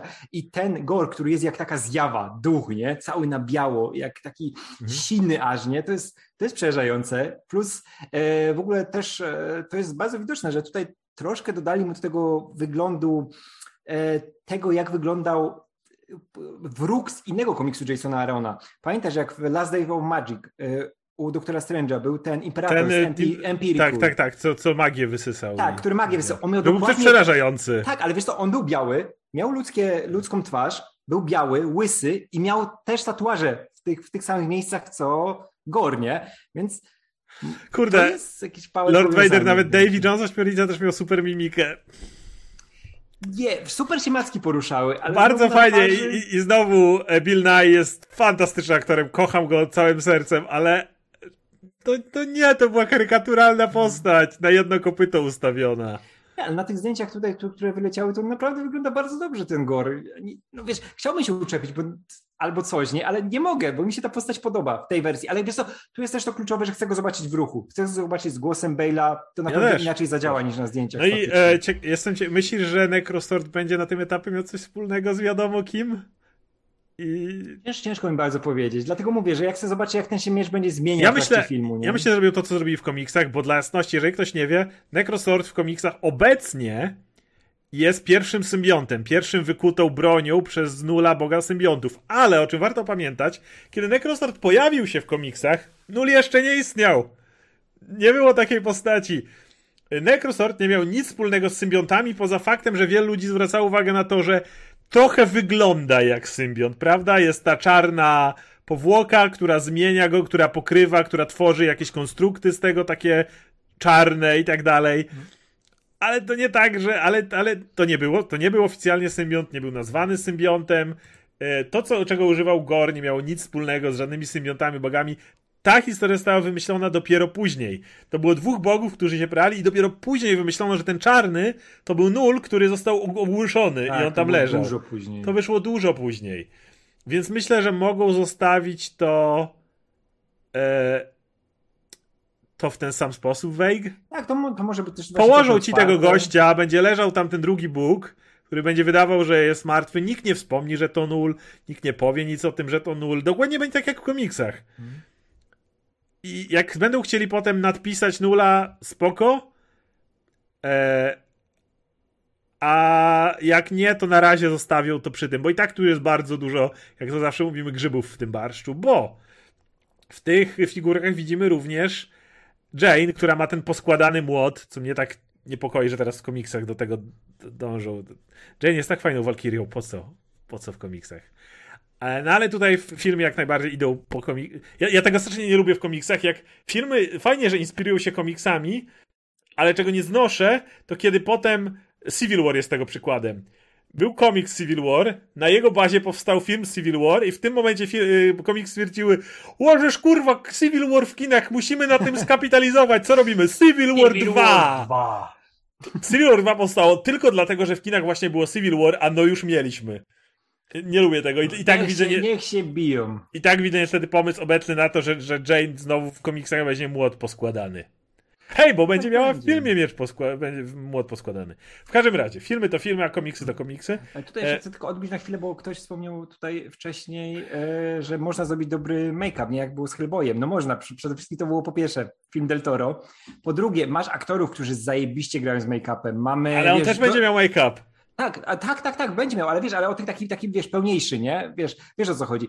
I mamy aktorów, którzy potrafią tu zajebiście zagrać. Doug Jones, Ape Sapien. No, Doug Jones jest z każdym, faunem. Wszystko, Ape, wszędzie, wszystko. gdzie zagra, to jest zajebiście. No, ale wiesz, oni są wytrenowanymi tak. aktorami do tego, żeby grać w make-upie tak. i grać tego typu postacie, nie? A Christian Bale to jest aktor, który gra twarzą. I nagle tak? jak mu nawalisz tak? make-upu, to tak jakbyś był, nie wiem, worek foliowy założył na łeb tak. i graj. No dalej to zagra, dalej będzie fajny, ale może nie tak fajny, jakby grał bez tego wora na głowie, nie? Prawda.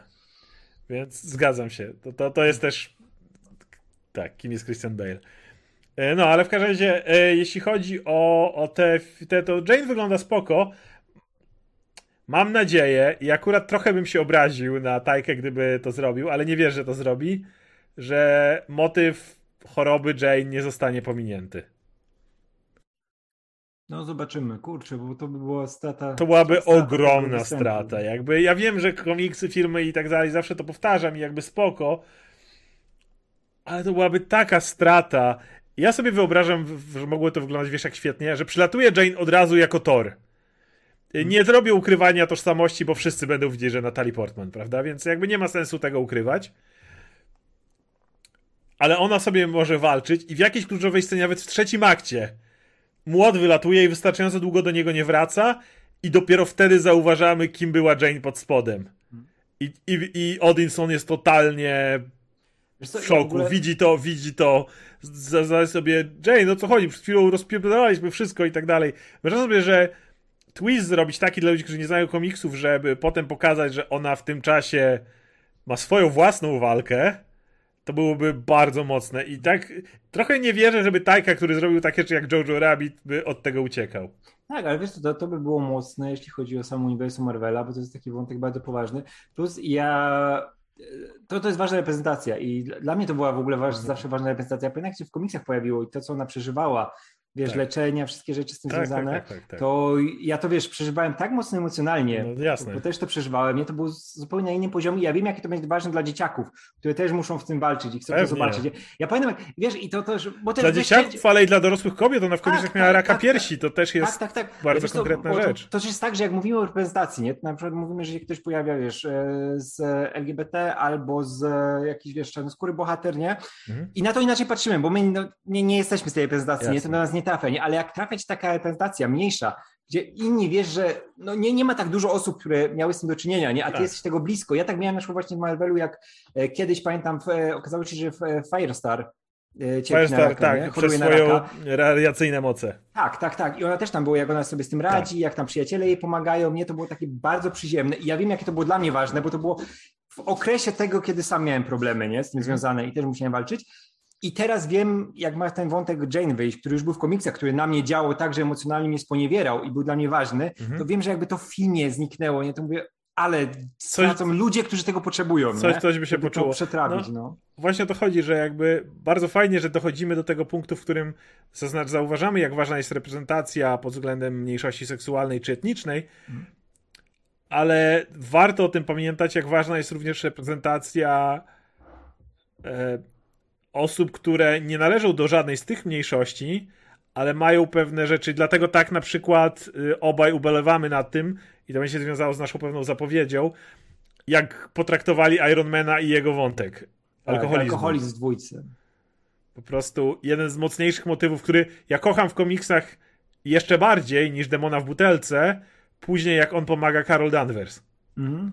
To która jest też miała dokładnie z Która miała dokładnie ten wątek, jak ona nawalona latała na misję i jak to wpływało na innych, jak to wpływało na nią. Mm. I jak Tony Stark, którego jeszcze tożsamość jest nieznana, przychodzi do niej, ściąga hełm, mówi jestem Tony Stark, bo wtedy jeszcze nie wiadomo, że to Iron Man i, i, i że jej chce jej pomóc w tym, mm. bo sam to przeszedł. Tak, a wiesz, a w filmie to się sprowadziło do tego, że na Sikania do zbroi, wow. Mm. E, I dlatego na przykład jak Moon Knight jest teraz ciekawy i oby tego nie spatolili i jak na razie cały czas mówią, że konsultowali się z ludźmi, którzy mają choroby psychiczne. Jak to jest istotne właśnie na, na, dla, w przypadku Moon Knighta. Mhm. Jak, yy, jak, jak niepełnosprawność często jest pokazywana, jak, jak ludzie sobie, jak nawet taka pierdoła, i mam nadzieję, że tego nie, nie spatolą w, z Echo. Jej cały wątek. Yy, nie znoszę Hawkeye'a, bo uważam, że jest fatalnie przeprowadzony i Echo tam nie ma nic do roboty może serial o Echo będzie lepszy, oby. Tym bardziej, że będzie się tam widziała jeszcze z Daredevilem, który też jakby jest. Jedna osoba nie słyszy, druga nie widzi, więc to, to, to się zawsze łączyło w ten, w ten sposób, że się wspierali. E... Ten element z tego, tego niesłyszenia echo był spoko, mówiąc, że to jest też aktorka, która ma protezę i nikogo, bo hej, jest badasową aktorką, ale, ale, ale, ale jakby te wszystkie elementy warto ich sprowadzać. Ja na przykład do dzisiaj mam pewien wyrzut do DC, chociaż ostatnio próbują do tego z dużo większą gracją podchodzić do tego, jak zajęli się sprawą Oracle. Bo wydaje mi się, że jednym z najbardziej inspirujących, nawet nie wydaje mi się, bo rozmawiałem z ludźmi, jak jedną z e, bardziej inspirujących motywów był moment, w którym Batgirl zostaje postrzelona przez Jokera w kręgosłup. E, to jest oczywiście w Killing Joke jako coś, o czym nikt wtedy nie myśli, jako, że ma mieć reperkusje, jakie ma, ale potem nie, nie pamiętam, kto tworzy, kto jest twórcą Oracle. E, jaki e, Chuck Dixon chyba, o ile dobrze pamiętam. I, I potem jak się pojawia to ten pomysł, że okej. Okay, nie, czekaj, post... Sorry, sorry, John Ostrander chyba w Suicide Squad ją wprowadził jako Oracle, a Oracle. później ją rozwinął jako postać w Birds of Prey Chuck Dixon. Okej. Okay. I, I jaki to jest inspirujący wątek, w którym masz tą postać, która była super bohaterką, skakała po dachach, nawalała się, traci władzę w nogach i możesz pomyśleć o tym, jak taka postać zwykle schodzi na margines, ktoś czasem do niej wpadnie, czy coś. Nie, staje się super ważną postacią, bez której liga by trzy razy się rozpierdoliła bez tego, co ona robi. Ma swoje miejsce, ma, ma, ma swój spokojnie wątek, ma swój to romans z e, Dickiem w Young Justice Barbara i Dick są razem. Zresztą w komiksach teraz znowu mhm. się wracają. I potem nagle, w, pamiętam jak pojawił się Magiczny Wichajster, tak, ta seria późniejsza była bardzo fajna, Batgirl, ale cały czas czułem pewne oszustwo w tym, jak nagle pojawił się Magiczny Wichajster, który skleił jej kręgosłup. Mhm.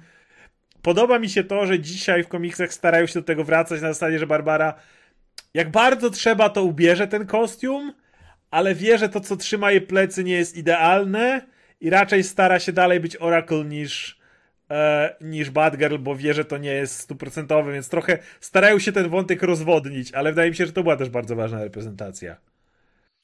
A, a, a swoją drogą tak, dodam, że w Young Justice jest fantastyczna odejście od materiału źródłowego, jak Barbara traci czucie w nogach. Ma to związek z Jokerem, tak, ale nie jest to zupełnie no, no. inaczej i jest fantastycznie poprowadzone. Jak to zobaczyłem, to wow, to zupełnie inaczej jak w komiksach, ale zajebiste. To wiesz, dodam tylko do tego, tej sytuacji storem, że Szymon pisał, humorek może, może też położyć dramat, jeśli jest go za dużo, irytuje poważny emocjonalny moment i miał się miejscach, ale kurczę, Albo pogłębić. No tak, ale to, to, tak, tak, tak, przede wszystkim Co Waititi to, to, już udowodnił idealnie w Jojo Rabbit, ale też w Hunt for the Wilder People. On potrafi takie rzeczy obrać. Ja wiem, że ludzie patrzą przez pryzmat tego Ragnarok, nie? Gdzie też te wątki były dramatyczne, nie? Które, to ten film był lżejszy, nie? Ale no, hmm. kończy się zniszczeniem domu Tora, nie? Co, co jest mocne i on to musi, musi wiesz, przypracować. E, I... Co potem Russo świetnie działa, jak on mówi, tak, co jeszcze tak, mam tak. do stracenia, a to tak, wiesz, że... Asgard na ziemi. A wiesz, że Waititi przy tych scenach pracował. Tak jak Gun przy Gardiasowych też. Tak, mi się wydaje, że nawet jeśli ten film ma być, ma być fajny, cool i w ogóle, to spokojnie można zmieścić wątek dramatyczny i to taki poważny. Nieumiejętny humor e, rozwala dramatyzm, umiejętnie wprowadzony humorek pogłębia dramatyzm. E, nic tak nie wali na przykład w Jojo Rabbit, jak moment, w którym on widzi pewne wiszące nogi i, uważam, że gdyby cały film był ciężki i trzymał się straszności II wojny światowej, to ta scena nie jebnęłaby tak mocno, jak fakt, że o Jojo, wszystko jest, o tu się bawimy i nagle jeb. Mhm. I w tym momencie to działa dużo lepiej. E, I ja, uwa ja uważam, że dramat i komedia są doskonałym małżeństwem. Jeżeli dobrze potrafią, jeżeli ktoś potrafi ich dobrze ze sobą pożenić, to jedno wzmocni drugie. I, I, to działa w obie strony. Tak samo komedia potrafi lepiej działać od, od, dramatu, jeżeli potrzebujesz tego przełamania. Oczywiście możesz to robić w nieumiejętny sposób, oczywiście możesz walić fart joke i inne rzeczy, które często zabiją to i nie mówię, że, że, nie, że, to, że to automatycznie jak dajesz humor i komedię, to win i od razu jest super. Nie. Ale uważam, że umiejętne zrobienie tego jest z korzyścią dla obu tych rzeczy. Tak, tak, tak. Um, no dobra, to wydaje mi się, że że będziemy na tym kończyć tą część, więc y, mamy trochę pytań jak zwykle. Mhm. Yy, więc zaczynamy. Od defibryla Defibrylator Comics Weekly. Defibrylator Comics Weekly. e, tipy z lutego chyba poszły w biznes, ale to nic. Lutego. powiem, że to był okres przejściowy, w którym e, to był okres, w którym jeszcze Łukasz zarządzał częścią i mieliśmy sporo problemów, więc z góry przepraszam, jak coś zniknęło. Jeżeli wrzuci, ktoś wrzucił większego tipa i, i na niego nie odpowiedzieliśmy, to, to dajcie znać, bo to mm. był mhm. czas, kiedy mieliśmy naprawdę sporo problemów z tym, żeby przepisać wszystko na mnie, na Radka, na, na to, żeby było z tym dużo roboty, mm. więc z, z, Łukaszem robiliśmy jak mogliśmy i, i oczywiście Łukasz robił co mógł, ale, ale było z tym sporo strania się, więc przepraszam, jeżeli to coś zniknęło i postarałem, jak mówię. E, e, ale dalej, e, ale to nic, mam tylko małą propozycję. Do omawiania Devil Rain moglibyście wziąć Pawła ze Spoiler Included i czy graliście w złoto zeszłego roku, czyli Guardians of the Galaxy. E, Devil Rain chcemy omówić. Ja z Pawłem Spoiler Included bardzo dawno nie miałem żadnego kontaktu, ale kiedyś jak gadaliśmy o Daredevilu, to się super gadało.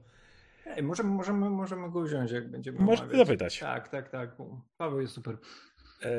Natomiast tak, e, Radek pierwszy wyszedł Guardians, potem polecił mi, ja dostałem od zresztą naszego, naszego stałego widza, czyli Kacpra, dostałem w prezencie Guardians, chociaż wiem, że teraz jest na w Game Passie, więc jak ktoś chce sprawdzić. E, I obu nam się bardzo podobało Guardians. I obaj chwaliliśmy i prawda jest taka, że ja uważam, że gameplay w tej, w tej grze jest troszeczkę zbyt powtarzalny, trochę, trochę jest e. Jest, ale nadrabia narracja tak bardzo. Ale narracja jest fantastyczna, to, że w, czas, w czasie walki się nie nudzę, nie dlatego, że mi się fajnie strzela, bo strzela się mnie, ale przez to, że postacie cały czas komentują tą walkę i cały czas się o niej rozmawia i cały czas się przechwalają i tak dalej, to nawet w czasie, kiedy walczę jest super. Tak, ale też wiesz, ta mechanika taka casualowa, ona nie jest zła. Ona, i wiesz, ta, ta gra trwa tyle, ile powinna trwać. Ona nie jest rozwalona mm. tak, tak, stan, tak, ona tak, nie jest tak. otwartym światem. A postacie są super napisane. Tak, a postacie są super, plus te wszystkie umiejętności ładnie wyglądają na ekranie, jak możesz sobie tam wysyłać roketa, żeby napierdalał rakietami. To ja jest już, fajne. Ja już wspomniałem o tym, że uważam, że w tym filmie Drax, Gamora i Quill są lepiej napisani niż to, co Gunn napisał. Kocham Jamesa Gunna, jak wiecie. Peacemaker to prawdopodobnie mój top jeden lub top 2 w zależności jak Legiona widzę, ale to są zbyt trudne porównania seriale w historii serialów superhero, ale uważam, że akurat Drax, Gamora i Quill są znacznie lepiej napisani w tej grze i jakby możesz powiedzieć, że gra trwa dłużej, powiem tak, yy, Quilla polubiłem bardziej niż Quilla Pratowego po pierwszych 20 minutach gry, czy coś tak. Jak, od momentu, jak on y, ratuje Niki na, na tej stacji i skacze za nią, to było takie, okej, okay, to jest ten heroiczny Quill, taki, którego dalej jest wiadomo, jaki jest Quill, ale, ale już go lubię bardziej. Więc y, Gamora ma potem świetny wątek. Drax, który może dalej nie łapać wszystkiego, tak jak wymyślił sobie Gun, ale nie jest debilem. To bardzo czuć, że Drax nie jest debilem. Co nie znaczy, że musi wszystko łapać w lot. Tak, wiesz, Ale jest ta róż... czuję, że to jest różnica kulturowa, a nie różnica bycia debilem. I też te postacie, one są e, właśnie no, te kilka jest ciekawsze nawet niż filmowe wersje, ale ogólnie całość jako drużyna i to, co tutaj jest pokazane, mogłoby działać jako kolejny film z Guardiansami na tym samym na poziomie. Ludzie bo to i dialogi, i akcja, i nowe postacie, które są wprowadzone, są fantastyczne. To, co tam się dzieje, to się miło ogląda po prostu, nie? I też mhm. ja uwielbiam te wszystkie e, easter eggi, które się tam pojawiają, które są ładnie wplecione w fabułę. Kosmo jest świetny. Jak się Jack Flag pojawia, Jack którego, Flag. Możesz wyrzucić, który, którego możesz wystrzelić tak, w kosmos, nawet o tym nie wiedząc. Jest cały wpis o Richardzie Riderze w komputerze, więc jakby tak. robili dwójkę, Wiem, że gra super nie zarobiła, ale ale ona kurczę, wa- miała, warto, miała, jak miała... ktoś jeszcze nie grał, to niech tak. łapie, tak. bo ta gra też wygląda kapitalnie. I, i teraz jest w Game Passie, w Game Passie, więc można sobie za, za bezcen przejść. Yy, Szymon Pustelnik. Co tak właściwie studiowaliście i czy polecacie oraz na jaki kierunek studiów wybralibyście się teraz, gdybyście mieli na to czas i chęć? Ja bardzo wiele rzeczy studiowałem, tylko jedną skończyłem, ale zacznij ty, bo wiem, że ty, ty studiowałeś konkretnie. Nie, jestem, jestem kulturoznawcą. Eee, i ma specjalizację z filmoznawstwa i jeszcze z filmoznawstwa cały czas mam otwarty przewód doktorski, który może kiedyś skończę, co może jeszcze trochę potrwać. I czy polecam? Czy wiesz, to było fajnie, rozszerzało horyzonty, dużo ludzi poznałem, to jest najważniejsze, kontaktów sobie narobiłem i wszystkiego z tym związanego, to jest najważniejsze. Dużo fajnych rzeczy poznałem, czy to się do pracy przyznaje, przy, przyznaje, przy, czy to się do pracy przydaje. Eee, czy z pracą to jednak tak, że robisz inne rzeczy najczęściej niż to, co studiowałeś, nie? I to, to jednak się mijasz z tym i, i, i troszkę nie jest po drodze z tym, co później się robi najczęściej, ale z drugiej strony to jednak masz ten taki zapas, że możesz robić fajne rzeczy cały czas, nie? No i mówię, i du duże horyzonty otwiera i ja nie żałuję studiów.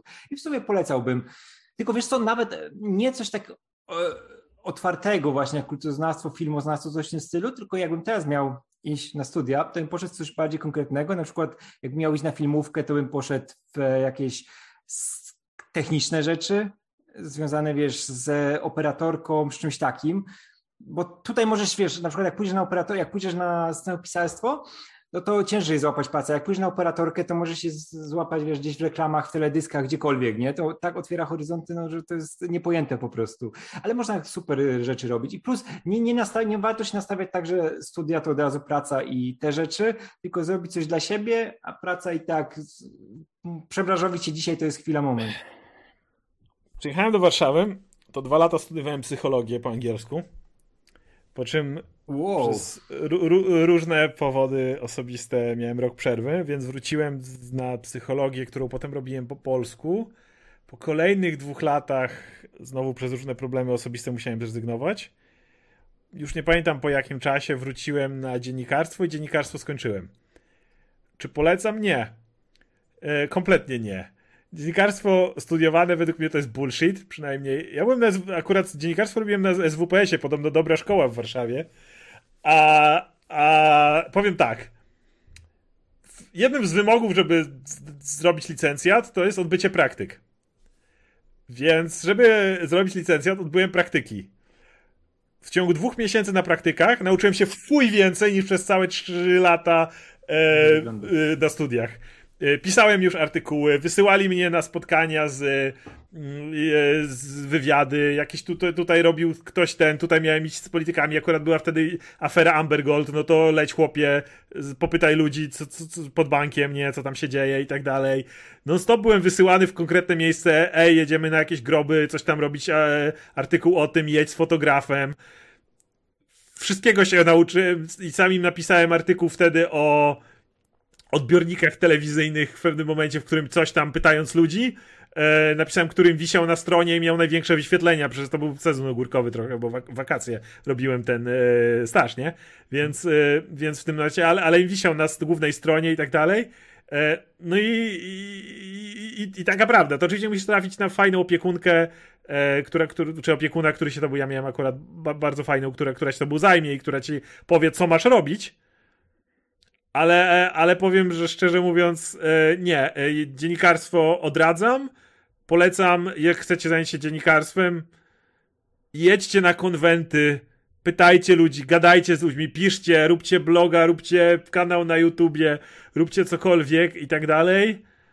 E, jeżeli chcecie zająć się technicznymi sprawami, to tak jak Radek wspomniał, super. Chcecie fotografią się zająć, czy coś takiego no i, i wtedy być dziennikarzem fotografem w sensie do, do tego i te sprawy, czy operatorką właśnie przy dziennikarstwie. Też wie, musisz wiedzieć, jak wykadrować, jak, jak to, żeby. Super, wtedy tak. W czystym takim dziennikarstwie nie. Jeśli miałbym teraz, gdybym mógł pójść na coś i się cofnąć w czasie, to nie poszedłbym na nic. Olałbym studia kompletnie, bo do tego, co robię, zacząłbym wcześniej robić to, co robię teraz. Mam z tego kupę tak, frajdy, mam, mam, mam, mam, mam, mam z tego kupę frajdy, mam, dalej to lubię robić I jasne, tak jak mówisz, do osobistego rozwoju spoko. Ja miałem trochę inny okres w życiu, więc akurat wtedy dużo, dużych znajomości nie zrobiłem. Natomiast e, może, może pod tym względem to działa. Więc nie, nie wypowiem no się pod ja, tym ja, względem. Ja, ja polecam Natomiast... w tym względzie, że jednak e, masz te, te miękkie umiejętności zdobywasz, nie? że wiesz, potrafisz się komunikować, potrafisz dochodzić do pewnych rzeczy, wiesz, mhm. orientować się tutaj na rynku i takie ten sprawy, no ale to nie, nie znaczy, że wiesz, tam pracę dostaniesz czy coś. Absolutnie. Tak jak mówiłem wcześniej, że teraz się można przebranżowić na momencie, nie? Robić sobie szkolenia, kursy, wszystko, wiesz. Wydaje mi się, że takie techniczne rzeczy mają największy sens na studiach. Tak, tak, tak, ale wiesz na przykład... E, Ula, Jeśli chodzi o pracę. tak, ale wiesz, Ula, która też e, skończyła kulturoznawstwo, e, filologię polską i kulturoznawstwo, nie? Później ze mną była na magisterce z kulturoznawstwa, później zrobiła sobie studia podyplomowe z, z, z grafiki, a później, wiesz, przeszła do, została grafikiem, nie? I też w IT tam troszkę robi i takie rzeczy, nie? I wszystko możesz sobie później elastycznie, tylko musisz chcieć, nie? I wszędzie się odnajdziesz. Mówię, studia są fajne dlatego, żeby sobie zobaczyć, jak się studiuje, i nauczyć się żyć z dala od domu i wiesz, bardziej na własną rękę się orientować, ale jeśli chodzi o te, wiesz, też mamy tak, że te wszystkie podstawy programowe to jest coś, co jest niezmienne czasami od lat, to jest powtarzane cały czas to samo, to nie jest, e, wiesz, e, uaktualniane. Tu, a propos, y, mamy, Rax, y, Raxo Geiston napisał, że jak ja poszedłem na praktyki, to się okazało, że to, czego się uczyłem, jest bezużyteczne. No, generalnie. Właśnie o to chodzi. Dużo, jeżeli chcecie się czegoś nauczyć, idźcie na praktyki. Wiem, że dzisiaj praktyki są często płatne, co jest absurdem, bo tyracie za darmo i jeszcze musicie to płacić.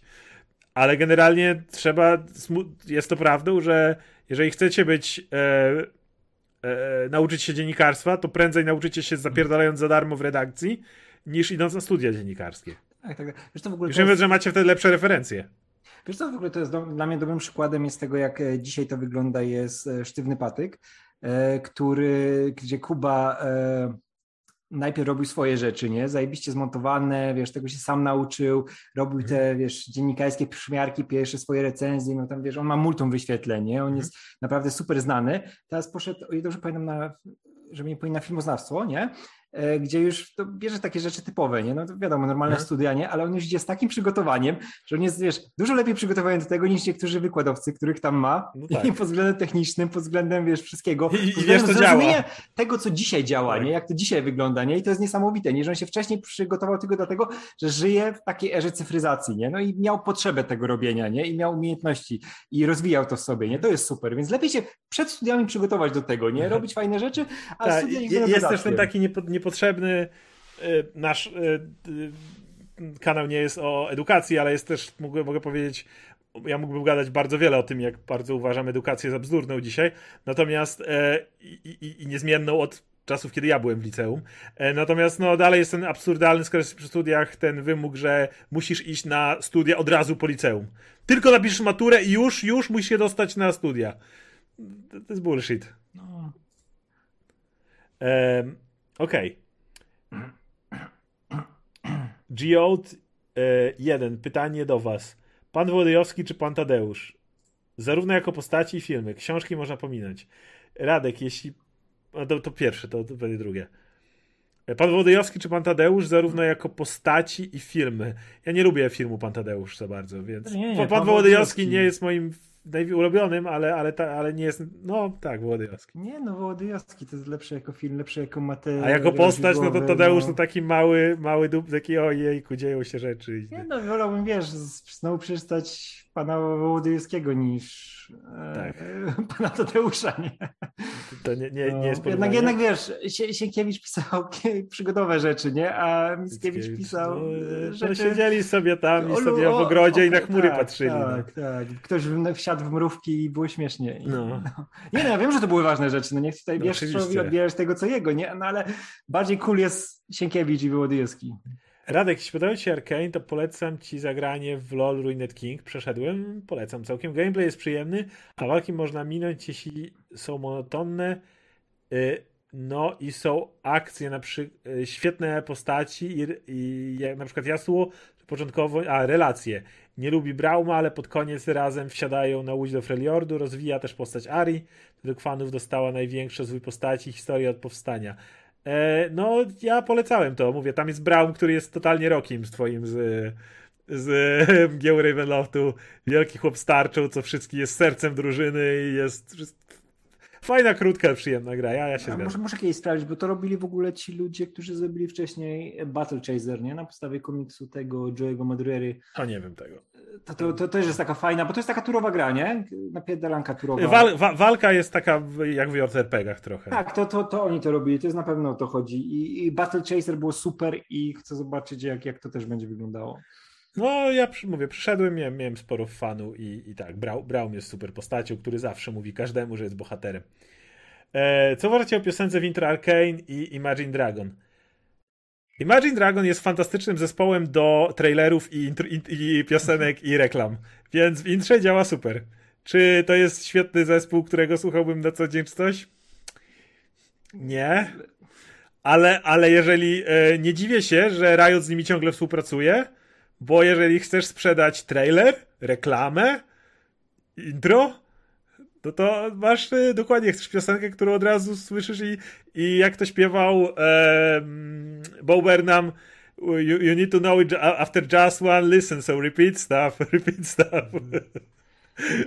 No. Ale wiesz co, w ogóle, w ogóle Imagine Dragons i podejście Riot do reklamowania muzyką swoich produktów, przecież to co robili A, to tak. Z, tak, wcześniej. Byli cały, cały motyw z tymi K-poperkami. był cały tak, motyw. to jest wszystko, ja ale, tego ale, przez... Ale Wiesz, ja, ja po Arkane, pamiętasz jak ja miałem po Arkane, że to, zresztą Paweł mnie nakręcił na to, nie? Jak ja się wkręciłem w te rzeczy k-popowe związane z ale, Arkane i z, ale kurde, z tylko z League of Legends, nie? Jaki ma fajny przekrój Arkane, bo masz z jednej strony e, Imagine Dragons, masz te e, e, masz te podchodzone k-popowe i tak dalej i masz nagle Stinga, który ci na końcu wyjeżdża.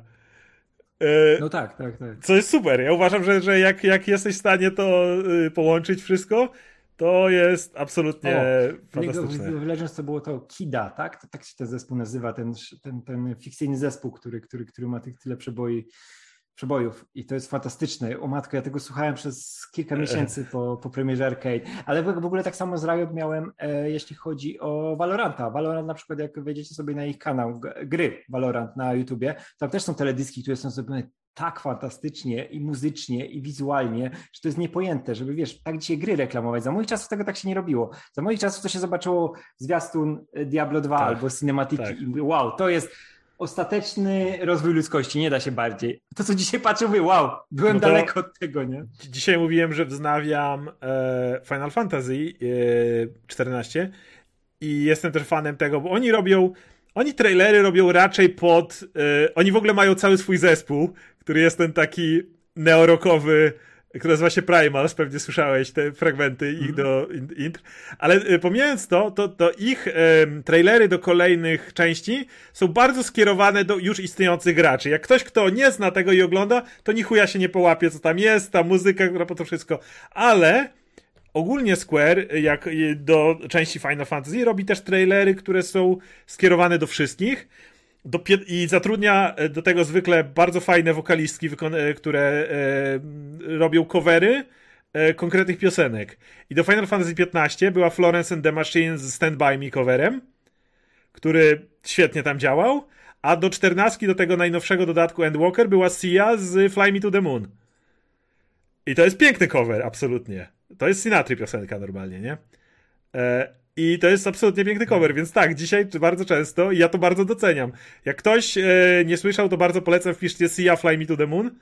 E, to jest teledysk finala zrobiony tak, że on jest dla wszystkich. Jakby, jak oni robią te trailery pod graczy, to Sia Fly Me to the Moon możecie zobaczyć, to jest... Nie musicie wiedzieć, co się dzieje. Pasuje, jakieś ładne rzeczy się dzieją. Więc absolutnie, no i, w, i Riot to robi od dawna. Pamiętam tą Legends Never Die piosenkę, E, wcześniej mieli Warriors zresztą, które użyto nawet Wonder Woman. To też było pod Lola robione. E, więc no jak najbardziej się zgadzam, że promowanie gier muzyką jest cool. E, jeszcze było pytanie tutaj na końcu. A nie, dobrze, Imagine Dragons się skończyło. Adriano Italiano. Powiedzcie kilka słów o ostatniej grze, którą skończyliście, czy polecacie. Oskar, przekonaj mnie do Elden Ring. Nigdy nie grałem w Soul Snake, pozdrawiam waszą ulubioną waszą robotę. Musisz powiedzieć o czymś, co nie jest e, Apexem, bo jakoś, którą przeszedłeś. Apexa się nie da przejść. Nie, wiesz co, ja mogę powiedzieć o grze, którą przechodzę cały czas i jeszcze mi troszkę zajmie, bo ja w Hadesa gram, który jest niesamowity. Ja nigdy nie, nie potrafiłem grać te roguelike'i. Roguelike'i. Mhm. Tak, i nie wiedziałem za bardzo, z czym to się je, i one mnie zawsze denerwowały, bo to one są powtarzalne bardzo. Ale to, jak jest narracja prowadzona e, w Hadesie, czego się nie spodziewałem, to jest po prostu coś kosmicznego. To wiesz, przechodzisz te poziomy, uciekasz, to jest gra, gdzie uciekasz z piekła. Jesteś synem tak, Hadesa, tak, tak. chcesz się wydostać z. Hadesu, nie? Chcesz uciec. I giniesz co, co chwila, nie? Prze, przechodzisz ileś tam komnat, umierasz, wracasz do początku, nie? Ale to jest niesamowite, że wszyscy zapamiętują to, co się stało, ile razy mhm. umarłeś, jakie miałeś kontakty z postaciami, nie?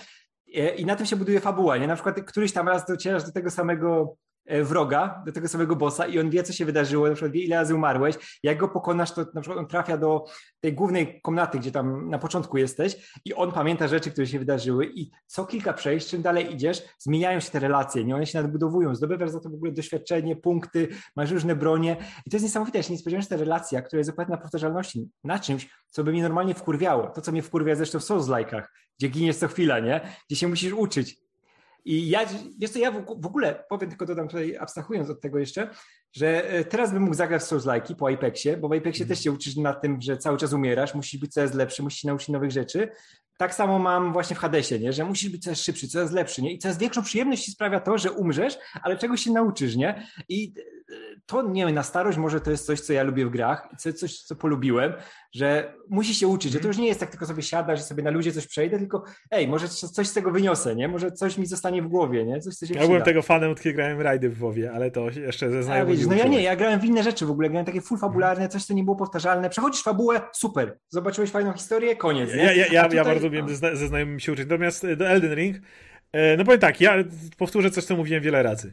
Ja nie, nie, nie mogłem grać w Souls-like'i i odbiłem się Próbowałem Sekiro, bo hej, to jest trochę inne i odbiłem się od niego tak samo jak od Dark Souls z prostego powodu e, wkurwiało mnie to, że to jest gra, w której nie tylko musisz, tak jak e, było powiedziane, przechodzić od nowa coś, ale jeszcze w dodatku za każdym razem, kiedy zginiesz, to jesteś, cię wywala w chuj daleko. Co oznacza, że nie tylko nie jesteś pod bossem, którego chcesz się poprawiać, ale jeszcze musisz do niego dobiec nawet jeżeli jesteś super zwinnym samurajo ninją, to i tak zawsze coś cię może trafić po drodze. Możesz pobiec inną drogą, gdzieś się za, zaciąć. E, I to mnie tak irytowało, że ja nie byłem w stanie grać kompletnie w, e, w, tą, w, tą, w Souls-like'i. Chociaż lubię ten element rozpracowywania. E, plus no był no, działało jak działało. Natomiast w Elden Ring po pierwsze zrezygnowali z tego jest kilka miejsc, gdzie to się dzieje i dalej ich nie lubię i uważam, że one są totalnie zjebane i powinni od nich odejść kompletnie. Na przykład tam jak dobiegasz do bossa, to przechodzisz przez taką mglistą barierę, żeby zamknąć cię na arenie z bossem. I jak ktoś cię goni, to, to jak przechodzisz, to jest animacja powolna i jak już możesz cię ruszyć, to czasami przeciwnik przez ścianę cię jebnie jeszcze i tracisz na przykład kupę życia. No to są bugi, ale to jest, to, to jest głupie. Więc większość bossów w, e, w Elden Ring działa tak, że odradlasz się tuż przed bossem. I jak, jeżeli widzieliście moje streamy z Elden Ring na moim kanale, no to yy, pierwsze moje podejście to jest ten pierwszy boss Margit. Ja na nim spędziłem chyba z godzinę na streamie, jak nie więcej. E, I non-stop ginąłem i non-stop na niego wracałem i non-stop szukałem nowego rodzaju. Okej, okay, doszedłem do drugiej fazy, potem już zawsze dochodziłem do drugiej fazy i tak dalej. I to mi sprawiało dużo frajdy. I non-stop ginąłem, wstawałem, wstawałem, znowu mnie zabijał, znowu mnie zabijał, wstawałem i tak dalej. Super się bawiłem. I potem przez całą grę mi się do, dobrze grało. E, mało tego, w Elden Ring, jeżeli coś cię bardzo wkurwia, to ponieważ jest to otwarty świat, możesz pojechać gdzieś indziej, powalczyć z kimś innym. Soulsy były jednak zwykle liniowe. W momencie, w którym zaciąłeś się na danym bosie, to właśnie dopóki go nie zabiłeś, no to nie mogłeś z grubsza iść dalej. Były, były z tego co wiem jakieś odnogi i tak dalej, ale były dosyć, były jednak liniowe.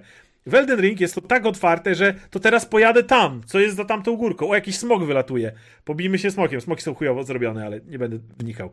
E, I e, no, co ja najbardziej pochałem w Elden Ring, to fakt, że możesz zrobić dokładnie taki build, jak chcesz. Chcesz być magiem, który rzuca meteory z, z nieba? Proszę bardzo, będziesz super magiem. Chcesz być e, samurajem, który ty nie ludzi kataną? Proszę bardzo. Chcesz być super zwinnym typem, który unika wszystkich ciosów? Widziałem, jak ktoś dosłownie zrobił Virgila z e, Devil May Cry i praktycznie grał dokładnie tak jak Virgil z Devil May Cry, wiesz, z, z Yamato swoim i tak dalej. Ja natomiast, jak, jak często mówię, uwielbiam grać ciężkimi klocami, które są niezabijalne. Mogę zadawać śmieszny damage, ale moim ulubionym stylem gry jest zmęczenie wroga i parowanie ciosów, aż, aż przeciwnik to, to, to boss będzie kurwił i rzucał padem, a nie ja. Yy, bo nie może mnie trafić. I dokładnie taką postać na końcu zrobiłem, która była praktycznie niezniszczalna. I dlatego mówię, dlatego w tą grę grało mi się dobrze. Dan Vivio. Cześć. E, czy mogło być tak, że ostatni czasy Will Smith dużo grał w Mass Effecta jako renegat w jego zachowaniu? Radek ostatnio o, o Mass Effectie, wiem, że, że ci się przypomniało, ale tak. Tak, bo był Motyw z renegatem, był, gdzie był masz urodziny. dialog i jabnij go w twarz. No, tam Renegat, Renegat no, to nie, nie był dobry wybór, bo on nie był tak, wiesz, ta gra nie była robiona pod Renegata. Ona była nie miało sensu granie pod w pełni, a były urodziny Sheparda przedwczoraj. I też, też o tym pisałem. Ustawiałem sobie w ogóle postacie od ulubionych do najgorszych i na dole mi wyszli oczywiście wszyscy ci chłop żołnierz. To ja, ja trochę dla tego... E... Trochę, ale nadal nie jest ciekawszy niż ta dla Jacoba, postaci, Tak, dla Jacoba, ale to głównie za jego quest z jego ojcem.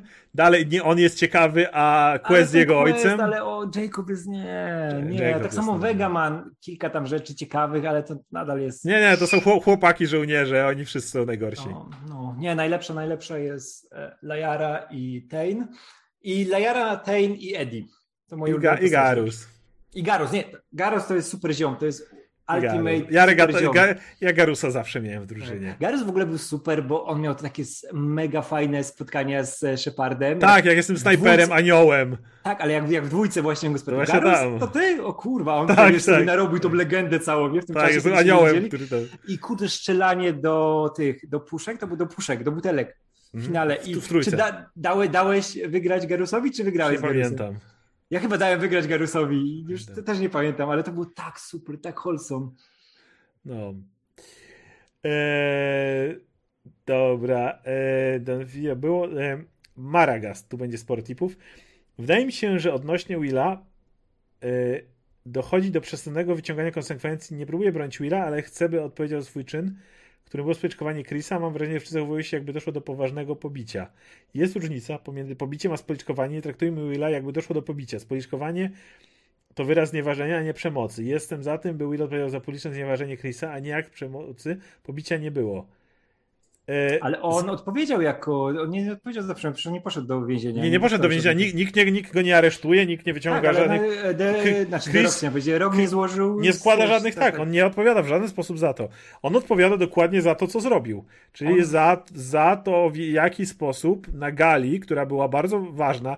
Dla mnie znacznie ważniejszym aspektem tego niż to, że było wniesienie elementu przemocy. Mhm. I nieważne, nie chodzi tu o to, że go pobił czy coś takiego. Chodzi o ten element, w którym możesz podejść do komika i strzelić mu w ryj, nawet jeżeli to jest z liścia. Ktoś inny może potraktować to jako y, wiele komików rozważało to, że może następnym razem ktoś y, Okej, okay, Will Smith wzięli Chrisa z, z, liścia, ale ktoś inny przez to walnie kogoś z pięści. Ale przede wszystkim mamy galę, która ma pewną konwencję, w której dzieją się pewne rzeczy, w której są pewne te i, I nagle wnosimy na nią element, który nigdy nie powinien się na niej mhm. znaleźć. I dlatego Will zostaje adekwatnie ukarany banem na wstępu na tą galę wszystko jest w porządku. No tak, nie, on beknął, beknął dokładnie za to, że złamał zasady, jakie były ustalone. Dokładnie. Nie? On nie dostał, nie dostał I, i chciałbym tutaj dodać, ani... że, że, że wiemy o dalszym zajściu, które, w którym Will zachował się jeszcze gorzej, w którym poproszono go o wyjście z tego, a on powiedział, że nie wyjdzie. Jedyny sposób, żeby go usunięcie,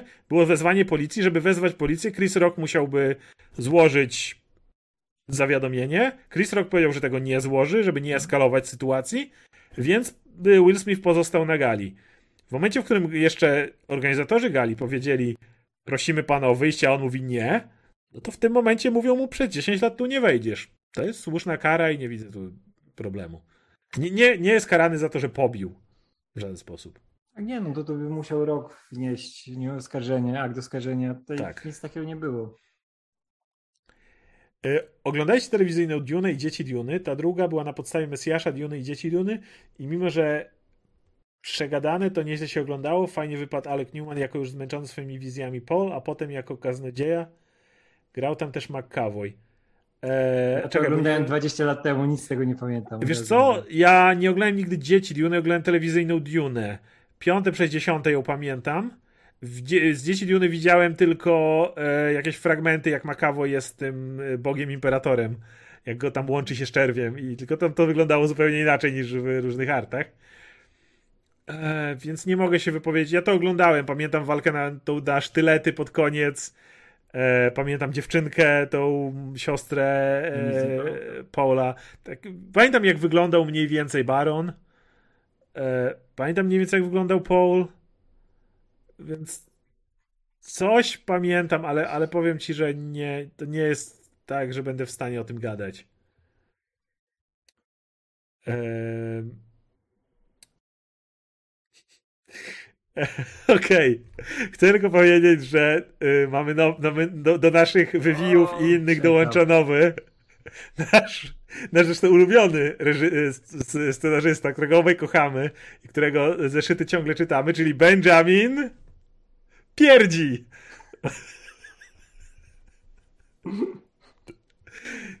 Kocham, kocham, kocham z pełnej miłości te wszystkie pseudonimy. Cały czas czekamy na Cebulskiego. Benjamin Cześć. Bendis zabił Bannera w Civil War 2. Dostaniemy najlepszą hi w historii serię z Hulkiem, czyli Immortal Hulk. Zgadza się. Bendis postarzył Johna. Stajemy jedną z najlepszych serii jak Superdany, czyli Kaler. Czy Bendis to geniusz? E, albo Bendis robi coś tak złego, że muszą zatrudnić najlepszych ludzi, jakich mają. Tak żeby spróbowali to odratować. No Al Ewing się... i Tom Taylor to są jedni z najlepszych ludzi, jakich mają. Tak, dlatego mi się wydaje, że teraz jak on odpuści Justice League, to ta cała historia ze śmiercią Justice League, którą chyba Williamson pisze, ile dobrze pamiętam, to może być arcydzieło, które będzie naprawiał te rzeczy. No ale też nie, nie można będzie sobie zabierać to, co jego, bo to jest genialny to, scenarzysta, tylko to, no, się zepsuł jego. przez lata zepsuł ostatnio. Się, tak, no. tak. Ale, ale no tak, coś w tym jest, co, co. Wiesz, dla, dla mnie Bendis to do tej pory za to, co narobił. Z Alias, moje, kurde. Ale nie, wiesz co, to jest moje top 5 cały czas scenarzystów, na serio.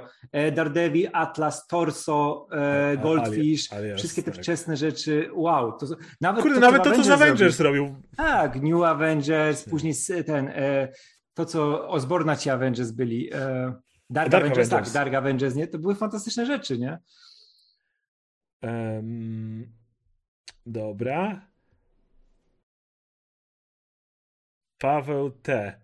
Ok, 28 marca dostałem wam tipa pod nickiem fan kreskówki Harley Quinn na temat Lego Batmana, uzupełniając, byście chętni na drugą część. Spróbować wpisać fan pewnie e, mam fakt 28 widzę marca, zgadza się. W nawiązaniu do live z Adamem o Batmanach, co sądzicie o filmie Lego Batman? Osobiście hmm. po pierwszym seansie byłem zauroczony. Najlepsza interpretacja Batmana ever. Ostatnio oglądałem go po raz drugi i nadal bardzo mi się podobał, chociaż mniej niż za pierwszym razem. Z Lego Batmanem miałem taki problem, że to był super koncept, on działał przez większość filmu, ale nie wiedzieli, jak to skończyć. Hmm. I potem, jak się tam dzieją te wszystkie rzeczy, to gubię wątek, ten, który jest najfajniejszy w tym filmie, czyli tego wyśmiania, bycia samotnikiem. Nowy Batman też trochę robi. Na, I jasne, na końcu on uznaje, że jednak warto to zrobić, ale to się dzieje w taki zbyt chaotyczny sposób. Tak, ale mam momencie... dużą sympatię do tego filmu dalej. Tak, się w tym momencie zrobił za duży fanfest ten film stracił gdzieś historię, którą chciał opowiedzieć, nie? bo i te wątki z tym Jokerem, który tą relację ma taką bardzo miłosną z Batmanem, nie? Mhm. I to, jak on podchodzi do Robina i ta cała historia, jaki tam jest Alfred, są fajne rzeczy, nie? Tylko ten tak. film gdzieś stracił momentami. Gdzieś po drodze się, się Tak, on, wiesz, on nie był tak dobrze napisany na przykład jak e, e, Lego The Movie, które tak. było ten, e, które było, wiesz, konkretną, konkretną tak, tak historią, tak, tak, nie? Opowiadało ci o tym bohaterze, trzymałeś za niego kciuki. się wytracał. To był film przede wszystkim, nie? A to był taki festiwal fajnych rzeczy związanych z Batmanem, nie? I dalej ten film bardzo lubię i to dalej jest jedna z najlepszych wersji Batmana tak, filmowych, ale, ale wolę, wolę inne rzeczy z Lego, nie? To jest, wiesz, Lloyd Miller, te rzeczy, które Gdzieś ten Batman to... się w trakcie filmu wytracił, więc dalej oglądało się go super. E, I pytanie jest uzupełniające, czy byście chętni na drugą część? Zależy od twórców, jakich by do tego mhm. zatrudnili. No, powiem tak, bo nie wiem, szczerze mówiąc. Bo jeżeli to byłoby po prostu odcinanie kuponu, bo Batman, to. Tym bardziej, że filmy Lego nagle się wytraciły. To było niesamowite jak z drugą częścią, która uważam, że była też super. Była e, ale druga część przeszła tak bardzo bez echa. Ja, ja zapomniałem, że ona wyszła w pewnym momencie. W domu ją obejrzałem potem. Więc o tyle co gry z Lego dalej się sprzedają świetnie, tak te filmy wydawało się, że zaraz będzie wielka saga filmów Lego od pierwszego Lego The Movie wielkokasowych, a potem wyszedł Batman Lego, który nie zarobił kokosów, a potem wyszło drugie Lego, które już w ogóle nikogo miałem wrażenie, że było bardzo fajnym filmem, a potem już w sumie nic. Eee, Maragas dalej. Pogadajcie o planach Snydera na Justice League 2 i 3. W wywiadach Zack mówił, że Justice League 2 Darkseid atakuje Ziemię, Lois ginie, Kal ma pozbyć się bólu po stracie. Przyjmuje antyżycie, stając się sługą Darkseida i powstaje świat ze snów Batka. Batek najpierw szuka kryptonitu, scena snu z BVS, a potem z ekipą ze snów Justice League kradnie Motherbox, którego używa, by doładować Flasha do dalekiej podróży w czasie. W Justice League 3 Flash ostrzega Batka, dzięki czemu ratuje on Lois i w finałowej bitwie łączy siły z Atlantami i Amazonkami, by pokonać armadę Darkseida. Obejrzałbym to, nie lubię BVS, ale nawet dobrze bawiłem na Zack Snyder Justice League, widziałem już trzy razy, wow. Myślę, że teraz jest miejsce w kinie zarówno na Aquamana Batmana Reevesa, Familijnego Shazama, jak i Justice League 2 i 3 Zaka. Marzę, by te filmy jednak powstały. Radku, widziałem, jak czytałem kątem oka twoją minę. Nie, ja nie, nie, nie wiesz co, jakby to powstało, to niech sobie powstanie, tak jak ten Snyder Cut i kto ma zobaczyć, to niech zobaczy, ale nie, to, to ten Snyder Cut był tak męczący i ja nie chcę tych, nie, nie obchodzi mnie co będzie dalej w tej historii, naprawdę, nie obchodzi mnie, czy Joker będzie robił Batmanowi dobrze dalej, to spoko, niech robi, nie? Wiesz co, bym szybciej zobaczył w ogóle z wszystkich rzeczy, które są związane z tym uniwersum Batmana i z tym, znaczy z uniwersum DC, Snydera, to bym chciał zobaczyć coś, z czego nie miał robić Snyder, czyli tego Batmana z Benem Affleckiem, tylko wiemy, że dla Bena to już było złe, nie? dla jego mhm. psychiki, żeby to robił, ale tam był fajny scenariusz, ten co wyskoczył gdzieś tam w necie, nie? że opisy, że tam Deathstroke ma życie Bruce'a Wayne'a, ma ujawnić jego tożsamość, ma być doprowadzony, wiesz, do skrajności, nie? a później Batman ma się podnieść, go tam pokonać i to bym zobaczył, ale to jest inna rzecz, którą bym ze Snyderverse zobaczył w tym momencie, ale ten Darkseid był taki chujowy w tym e, Snyder Cut, to był jakiś taki, wiesz, typ, który wygląda jak, wiesz, jak taki sąsiad, który powinien iść do specjalisty, bo może o jedno wino za dużo wypił, nie? I... Ares mu zajebał i było po wszystkim. Tak, tak, nie. I ten, wiesz, ten Stephen Wolf i ta cała jego ekipa i jak oni mają z nimi walczyć jeszcze, to nie, ja podziękuję za to. I jeszcze Jared Leto by tam musiał być i musiałbym go oglądać. No ja nie jestem fanem Justice League, ani, e, ani, tego, ani tej wersji również Zacka Snydera. Była tam piękna scena, jak Flash biegnie i to jeszcze Ezra Miller wszystkich. E, akurat ma tę scenę, kiedy i to ładnie wygląda, ale ja od zawsze mówiłem, że Zack Snyder potrafi robić bardzo ładne obrazki, ale kompletnie nie obchodzą mnie jego historie. Army of the Dead był nieudaną zżyną Obcego 2 i na początku tego live'a powiedziałem, że uwielbiam Young Justice za to, że tam na pierwszym miejscu, jak w pierwszym sezonie Supergirl, na pierwszym miejscu są postacie i ich relacje. I za to kocham Peacemakera i tego typu filmy. Na pierwszym miejscu postacie ich relacje. Możesz się napierdalać, może być to wszystko, co przed chwilą przeczytałem, ale to wszystko opowiada ci ma historię i nie obok, nie przy okazji, nie pod tekstem, nie, nie to na pierwszym planie yy, jest i, i, dlatego jestem w stanie dać pod wieloma względami pas WandaVision, bo ten serial opowiada o żalu po stracie. Choć jest tam masa scen, których nie lubię, uważam, że one mocno psują, to główny wątek Wandy jest o stracie, a nie o tym, czy Wanda tak. rozpierdoli. I dlatego nie lubię finału, gdzie jest piu-piu, a nie przepracowanie traumy. To mi, to mi niszczy ten serial. I, I dlatego nie jestem, tak jak mówię, wielkim fanem tego serialu, ale do tego momentu główny wątek jest kobiety, która nie potrafi poradzić sobie z ogromną stratą, którą odczuła w życiu. To mnie interesuje w historiach. Yy, w historiach yy, o superbohaterach. A nie jak to powiedział, interesują mnie ci superbohaterowie, którzy są ludźmi, a nie bogowie, którzy nie wiedzą, jak być ludźmi. Wiem, że może was to zaskoczyć. Szok. Nie jestem Bogiem. Nie wiem, jak to jest być Bogiem. Nie mam odniesienia do bycia Bogiem. Nie bardzo obchodzą mnie historie bogów. Ale wiesz, nawet jakby obchodziło to, to, to nie wybrzmiewa w tych filmach wiesz, to są takie obrazki, że o, jestem Bogiem, jestem monumentalną postacią unoszącą no, się nad no ludźmi. Tak. I to jest wszystko, tam nie ma mięsa, nie? Wiesz co, ja w ogóle oglądam, jeśli chodzi o tego Darkseida i te wszystkie rzeczy, które miały być w następnych filmach, które miały mi się przejmować. Ten film trwał 16 lat. Ja, wiesz, tyle go oglądałem. Ja w tym czasie moje dziecko zdążyło iść do szkoły, zdążyło się mnie wyprzeć i że zniszczyłem mu życie i nie było mnie przy nim jak dorastał, bo oglądałem Justin League w tym czasie, które trwało i trwało. E, I przez ten cały seans nie było ani sekundy, która by mnie zainteresowała tym, co się dzieje na Apokalips, która by mnie zainteresowała Darkseidem, Desadem, kimkolwiek, który tam Granny Goodness, ktoś tam jeszcze miał być. Niczym mnie to nie zainteresowało. Nie. Jak mieliby się z nim bić, to czemu, czemu mnie to obchodzi? Że jest no sobie wielki zły i on jest po prostu zły i równając życia, o którym Czemu ma mnie to obchodzić? No, więc nie. To... Jak już, to właśnie pomścić Steppenwolfa. Jak już, Steppenwolf był najbardziej, miał najbardziej ludzki wątek w tym filmie, bo ale to chłop chciał, do domu. Kto, ale dobra, kto chce pomścić Steppenwolfa? Darkseid miał go w dupie, to był w sensie, on... Nie, ja uważam, że A. ja bym kibicował Darkseidowi, żeby pomścić Steppenwolfa, bo Steppenwolf miał jedyny mikroludzki wątek. To był no chłop, tak, co do tak, domu tak, chciał tak, wrócić, tak. miał te oczka. On taki był, no tata, wpuść do domu. A, a potem Justice League się nad nimi znęcali. Nad nim. To jak mu oni ucinają łeb, jak, to, jak go tam katują, jak Superman, Superman, Superman go katuje po prostu, jest takim skurwysynem. Ach, no. Eternals bogowie stali się ludźmi. Eternals się nikt nikim nie stał. Nie zgadzam się. Ja lubię Eternals.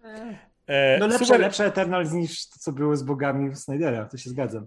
Super Sebastanos. Ależ znakomity był ostatni chapter Dragon Ball Super jeszcze się nie skończył. Goku w pomysłowy sposób wykiwał przeciwnika w trochę stylu pierwszego Dragon Balla, przy tym klasyczny humor Toriyamy, później bardzo wstrząsająca scena z rodzicami Goku, znaczy tam wspomnienia są jakieś, ale czytaj, bo DB w znakomitej formie. Wydaje mi się, że on się nie skończył. Jeżeli się skończył, to znaczy, że czegoś nie jestem na bieżąco, ale jestem prawie pewien, że oni jeszcze się ganiają jeszcze się nie stało. Ale tak, jest super jak, jak coś. To DB super jest super. super. Tak, chciałem powiedzieć. Nie, nie, ten ja wątek, w którym nagle wracamy do wątku, gdzie Goku wreszcie po tylu latach czytania Dragon Balla ktoś wraca do korzeni i chce Goku musi określić kim jest, a żeby zrozumieć kim jesteś, musisz zrozumieć kim, kim, skąd się wywodzisz. I albo to zaakceptować, albo to odrzucić, ale warto wiedzieć kim jesteś. A wiemy, że Goku jest na ziemi po retkonie z Broliego z miłości rodziców, którzy chcieli mu lepsze życie zapewnić jak Supermanowi. Goku ma dokładnie origin Supermana, pamiętasz w Brolim. Tak, e, tak, tak. I ten ark to super porusza, więc zgadzam się, że jest że ja super muszę, jest super. Ja muszę doczytać. To Dominik jeszcze pisze, oj, szkoda, że Karola nie ma. No, Karola dawno, dawno nie dawno było. Nie było. Ka Karol może obejrzał Snyder Cut o jeden raz za dużo. No, ale Karol nienawidził też nowego Batmana, bo to jakiego, liczył nam mrocznego, poważnego chłopa, a nie takiego pierdolę. Ej, to jest super. E, Raxo pisze, że Stephen Wolf to Bruno z Encanto, a Dominik Darkseid babcia z Encanto. To jest totalnie, to. totalnie. To jest dokładnie. Totalnie. Jezu, nie widziałem lepszego porównania totalnie. od dawna. Tych 100%. Wow. 100%. E, Angry Vulko. Pamiętasz, jak mówiliśmy, że Angry Hulko wszystko by załatwił? Lubię to, to odniesienie. No to recenzja Komena była, nie? Recenzja Komena, a że Angry Hulko to tam wszystkich by rozjebał. E, więc, czy w komiksach Bruce adaptował Cassandra Kane? Z tego, co kojarzę, nie wiem, czy oficjalnie, ale, e, ale jest nazywana córką Batmana, ale nie pamiętam. Mm. Chyba tak. Chyba nie wiem. Ja nie pamiętam. Pamiętam, że właśnie jak była, była ta... Ja pamiętam początek tej serii, ale to był 9... lata temu. Jak tak. jeszcze David Kane Czekaj, ale dalej. Wychowanie córki to może być coś fajnego, rozwijającego dla Batmana. Są do siebie dość podobni, dla bardzo, więc powinni się dobrze dogadywać. Ona mało mówi, ale... Czyli nie dogadywać, bo mało mówią, właśnie. Fajnie przedstawiono w tym komiksie na Webtoon. Nie oglądałem tego na Webtoon, ale ogólnie znam historię Kassandry. E, bardzo lubię Kassandrę. E, aczkolwiek znowu to jest zawsze ten problem. Najbardziej lubię Kassandrę, nie w relacji do Bruce'a. To jest fajne, bo to jest ten gość, który przytula. Co, wow, Batman kogoś przytulił. Ale Kassandra znowu lepiej działa w relacji do reszty Bat rodziny, dlatego że Cassandra jest o tyle ciekawa, że ona idolizuje Batmana. Nikt w tej rodzinie nie idolizuje Batmana. Wszyscy widzą, że w końcu dorastają do momentu, w którym zauważają, jak duże problemy z sobą Bruce i odchodzą i wybierają swoją zwykle lepszą drogę. Dick nie idealizuje Batmana, Damian nie idealizuje Batmana w żadnym wypadku, Tim, Jason, Barbara, nikt. Cassandra tak. I ona, ona chce być Batmanem, ona chce być jak Batman, ona chce widzieć, że Batmana idealnie i dlatego ona super działa, bo znowu mówię, bo ja uwielbiam wątki ludzkie. Cassandra, jak ktoś nie wie, nie została wychowana w żaden sposób, który nauczył ją czegokolwiek poza biciem i bordowaniem i w ogóle. Mój ulubiony moment z Cassandrą to jak Barbara jej kupuje stanik. To jest, to jest coś, coś, coś tak zwykłego, mm. coś tak prostego. E, I, i y, relacja w Young Justice Barbary Gordon i Cassandry jest fantastyczna, ale ona się wywodzi z komiksu, gdzie Barbara jest tą starszą siostrą. Bruce może próbować i chwała mu za to, ale Cassandra jest dziewczyną dorastającą. Potrzebuje starszej siostry, jeśli nie matki. I, I znowu to działa fantastycznie w relacji do Barbary. W relacji do Tima Drake'a, który tam też się pojawia i tak dalej, więc ja najbardziej znowu lubię Barbarę, Cassandrę w relacji. Batman fajny jest, jak jest tą figurą, ale jednak prawdziwe relacje z tymi, którzy potrafią mieć relacje. Ale ten na webtoon muszę, muszę nadrobić. Joe Przesada. Czy mogło być tak, że zawarliście pakt z szatanem, w którym oddaliście mu swój związek z Łukaszem w zamian za coś? Pewnie tak. Nie było, ale brzmi to jak wspaniały materiał na historię. Przyznaj się, Radek.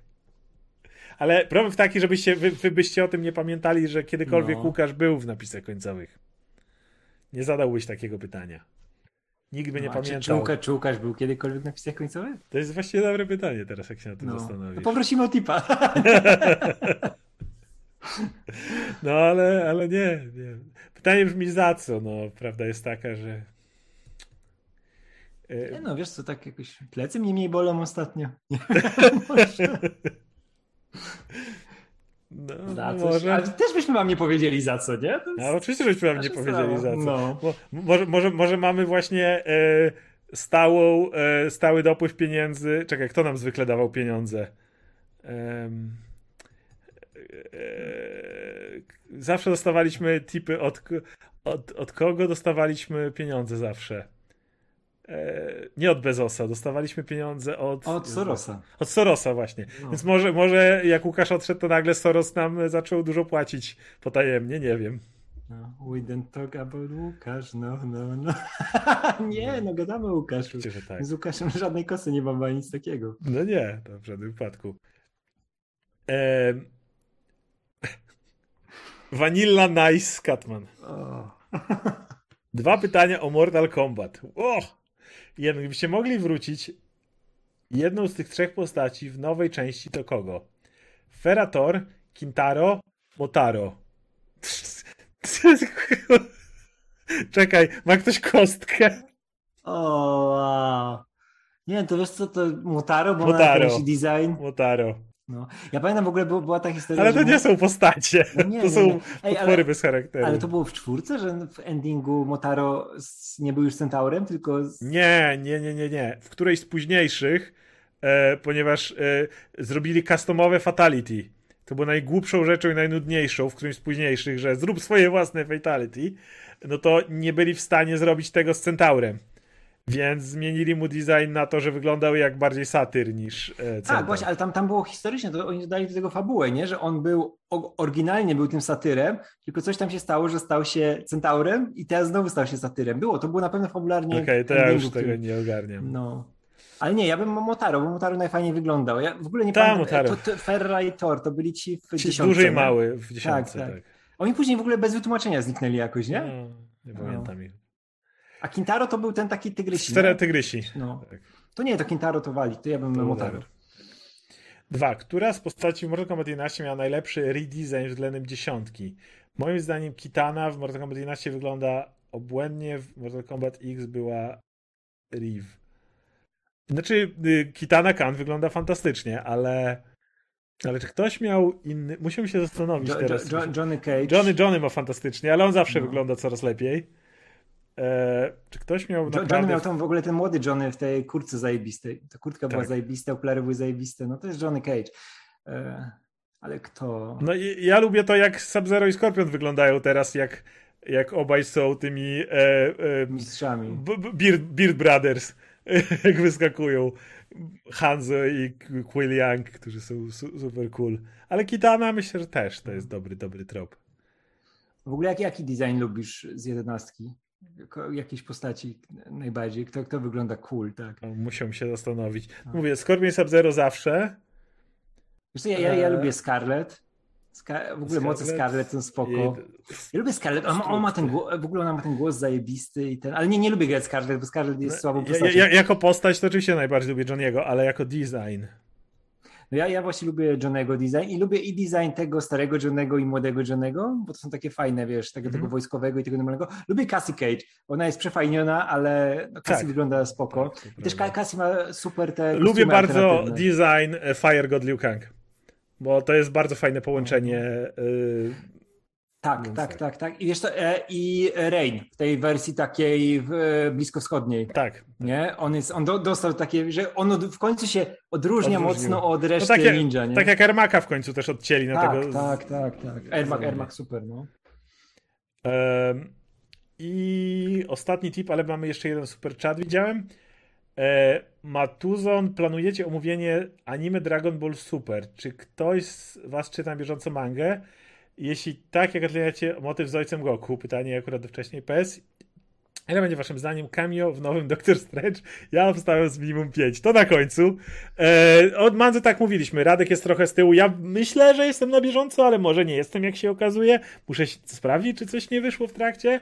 Motyw z ojcem Goku uważam, że jest fantastyczny. Tak jak mówię, mój ulubiony motyw w tym nowym steriarku to jest to, że ani Vegeta, ani Goku nie mogą idealnie opracować tych technik, które dostają od bogów, bo nie są bogami i nie myślą jak bogowie i dlatego nie są, żaden z nich nie może, każdy będzie musiał znaleźć swoją drogę, o tak powiem, żeby opracować idealnie to, co, to, to, to, to co robią. Może już to zrobili, tylko nie jestem na bieżąco. Eee, czy anime będziemy omawiać? Nie, już trochę minęło. Ja, ja mówię, że uwielbiam Tournament of Power.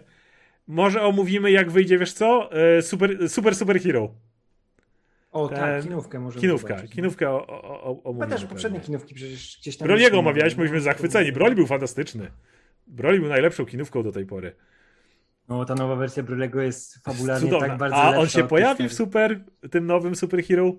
No i bardzo dobrze, bo ja lubię tę postać. Ja chcę, żeby znaczy, Broly wracał. wersji. Wiesz co, ja byłem fan, ja lubiłem za dzieciaka tą starą wersję. Ale to do tego, że był taki silny, edgy, mroczny, super, super. Ale on nie miał charakteru. No nie, nie, ten nowy jest dużo fajniejszy. Dużo a dlaczego? A dlaczego? Bo oparli go na relacje z ojcem. Oparli go na relacje z tymi no tak, nowymi, tak, tak, na relacje z tak. jego pluszakiem, którego ma ucho potem, niestety. Ten, ten gość Broly jest, kurde, ofiarą dzieci, dzie, dzieciństwa i tak dalej. I wszyscy mówią, że jak leci ta ostatnia fala uderzeniowa e, Gogety w Broliego, to wszyscy mówią, niech Broly nie ginie, nie, wszyscy w szkoda ci go w tym momencie i jest uratowany w ostatniej chwili i jest, ten złoczyńca filmu, jest, uratowali go, udało się, przeżył, jak fajnie. Kurde, to jest tak, dobrze też, napisana też, postać. Też, też spokój, że mu ten e, design zrobili taki bardziej... Barbarzyński taki, Conan taki ale bardziej. też, ale Conan, ale też, że ma tą twarz i usposobienie tego normalnego chłopaka. Taki poczciwy jest tego... chłopak. Tak, że on miał tak. relację z tym zielonym stworkiem. Tak, tak, tak, a ten stary to był tylko ten Tak. Za kakarot! No, ale wyglądał zajebiście, ten no. góra mięśni, nie? No.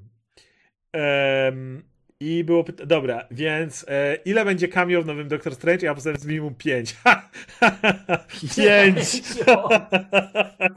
Ty mnie spytaj, jakich postaci nie będzie, wtedy możemy porozmawiać. Pięć. Pięć to będzie, wiesz, w pierwszych pięć pięciu minutach. Scenie. Nie, to na pewno będzie taki To będzie wszystko.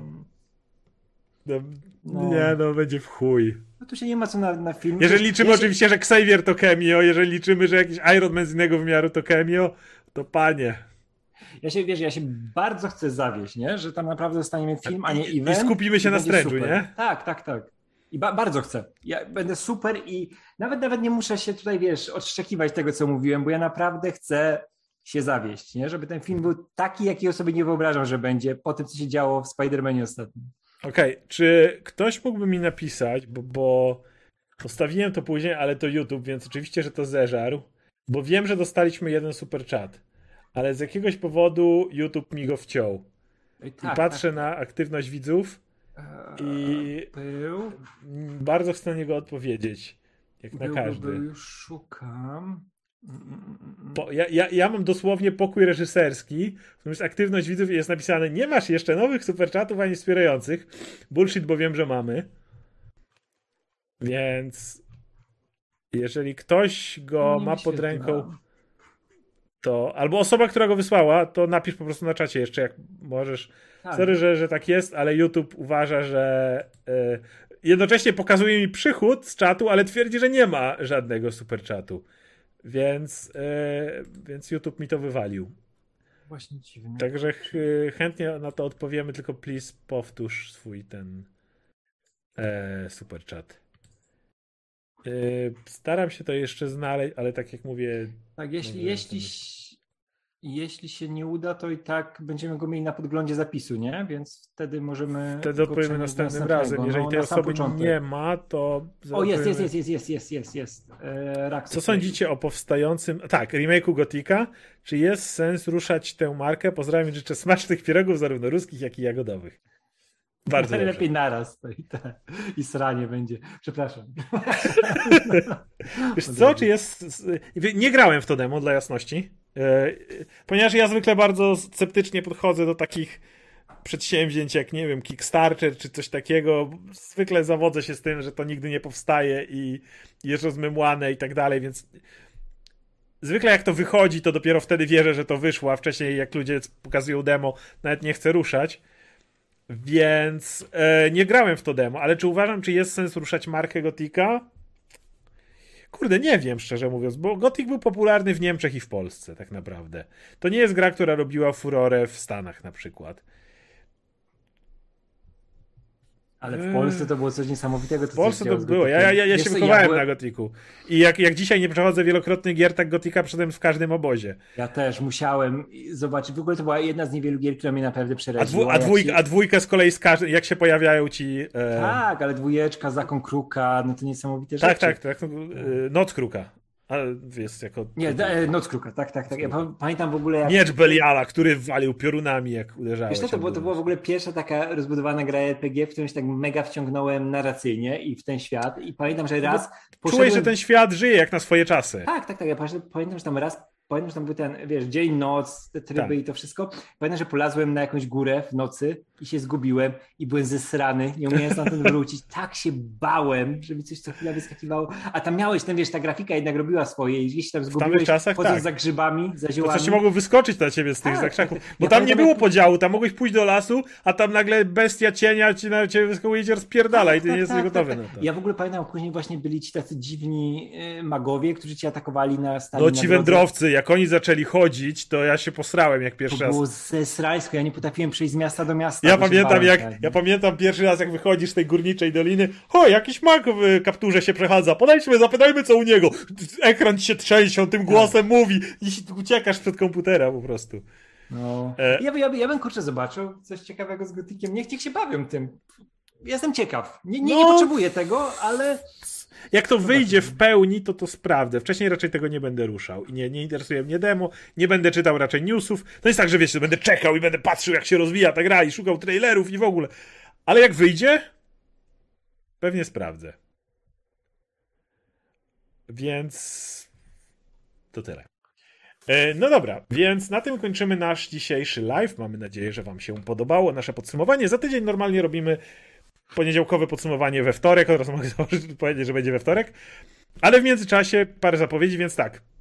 W piątek, jak zwykle, będzie podsumowanie trzeciego odcinka Moon Knighta, pogadamy sobie o nim. Jeśli pojawi się trailer Thor Love and Thunder, spróbujemy znaleźć czas i się skrzyknąć w momencie, w którym tylko będziemy mogli, żeby go omówić. Jesteśmy podjarani, czekamy na niego, ale ponieważ nikt nie wie, kiedy on wyjdzie, mówię to sprawdzając, czy przypadkiem nie wyszedł w tej chwili. Tak, ale jeśli jutro się pojawi rano, to nie będzie go od razu wcześniej, będzie wieczorem, jeśli coś. Tak, nie? tak, tak, tak. Więc, e, więc będziemy starać się, ale wiadomo. Natomiast yy, no, nasz cykl trwa, więc jeśli chcecie razem z nami nadrabiać stare filmy MCU i gadać o początku, to w najbliższy poniedziałek możecie się spodziewać nie być może w rozszerzonym składzie, ale jeszcze nie zapowiadamy, bo, bo, bo kwestia, czy się terminy uda dograć. Yy, Iron Man 2. Ten, ten film, gdzie Tony Stark załatwia alkoholizm sikając ze zbroi. Więc y, w najbliższy poniedziałek będzie Iron Man 2. Pogadamy sobie o tym, jak go wspominamy. No a potem oczywiście lecimy do e, live'a i widzimy się znowu. Także. Ja jeszcze dodam tylko, bo kilka razy było pytanie o trailer Stranger Things nowy. Nie widzieliśmy nowego zwiastunu Stranger Things. Nie, jeszcze nie. No. A to znaczy, nie, że nie lubimy, jakby jest, obaj tak, bardzo nie, lubimy trzeci sezon, pe, więc. Pewnie, pewnie we wtorek sobie pogadamy o nim. Może ustawimy sobie go na początek, nie, żeby coś powiedzieć. E, jeszcze Konrad pyta o mgły i one shot z PRL-u. Mgły idą co, co tydzień normalnie. Paweł wrzucał rozpiskę, więc tam jest dokładnie napisane mm. kiedy odcinki, kiedy live. A one shot z PRL-u będzie po mgłach. No to, to mm, nigdy nie mieliśmy konkretnego planu, żeby go zrealizować w konkretnym czasie. Mm. Jakby to była idea taka, że napiszemy scenariusz i w momencie, w którym będziemy mieli chwilę przerwy, chwilę czasu, żeby to ogarnąć, to to zrobimy. Sama idea była głównie pisania scenariusza. Nie znaczy, że nie chcemy tego zrealizować, ale... To, będzie, to, to, też będzie tak, że jednak jest intensywny okres teraz będzie z mgłami, które no chcemy skończyć konkretnym to. tempem. Później potrzebujemy przerwy, przed nową kampanią, dłuższej. Tak, a do tego trzeba by gości rzeczy... zaprosić też tak, do, tak, do tak. one-shota. I więc... tam jest idealny moment, żeby tego one-shota zrobić, z gośćmi jakimiś tak. fajnymi się pobawić. Tak. Bo to też jest z tego, co słyszałem, bo ja nie, nie, nie widziałem, jak go planujecie, tylko wiem, jaki jest setting, ale z tego, no. co słyszałem, to tam podobno jest pojebanie i coś, co, co idealne jest na taki moment, żeby się z gośćmi pobawić. Jest, absolutnie. No dobra, więc e, na tym będziemy kończyć, także zapraszamy do piątkowego omówienia już w najbliższym czasie Moon Knighta. Być może trailera wcześniej, ale kto wie. Trzymajcie się. Hej.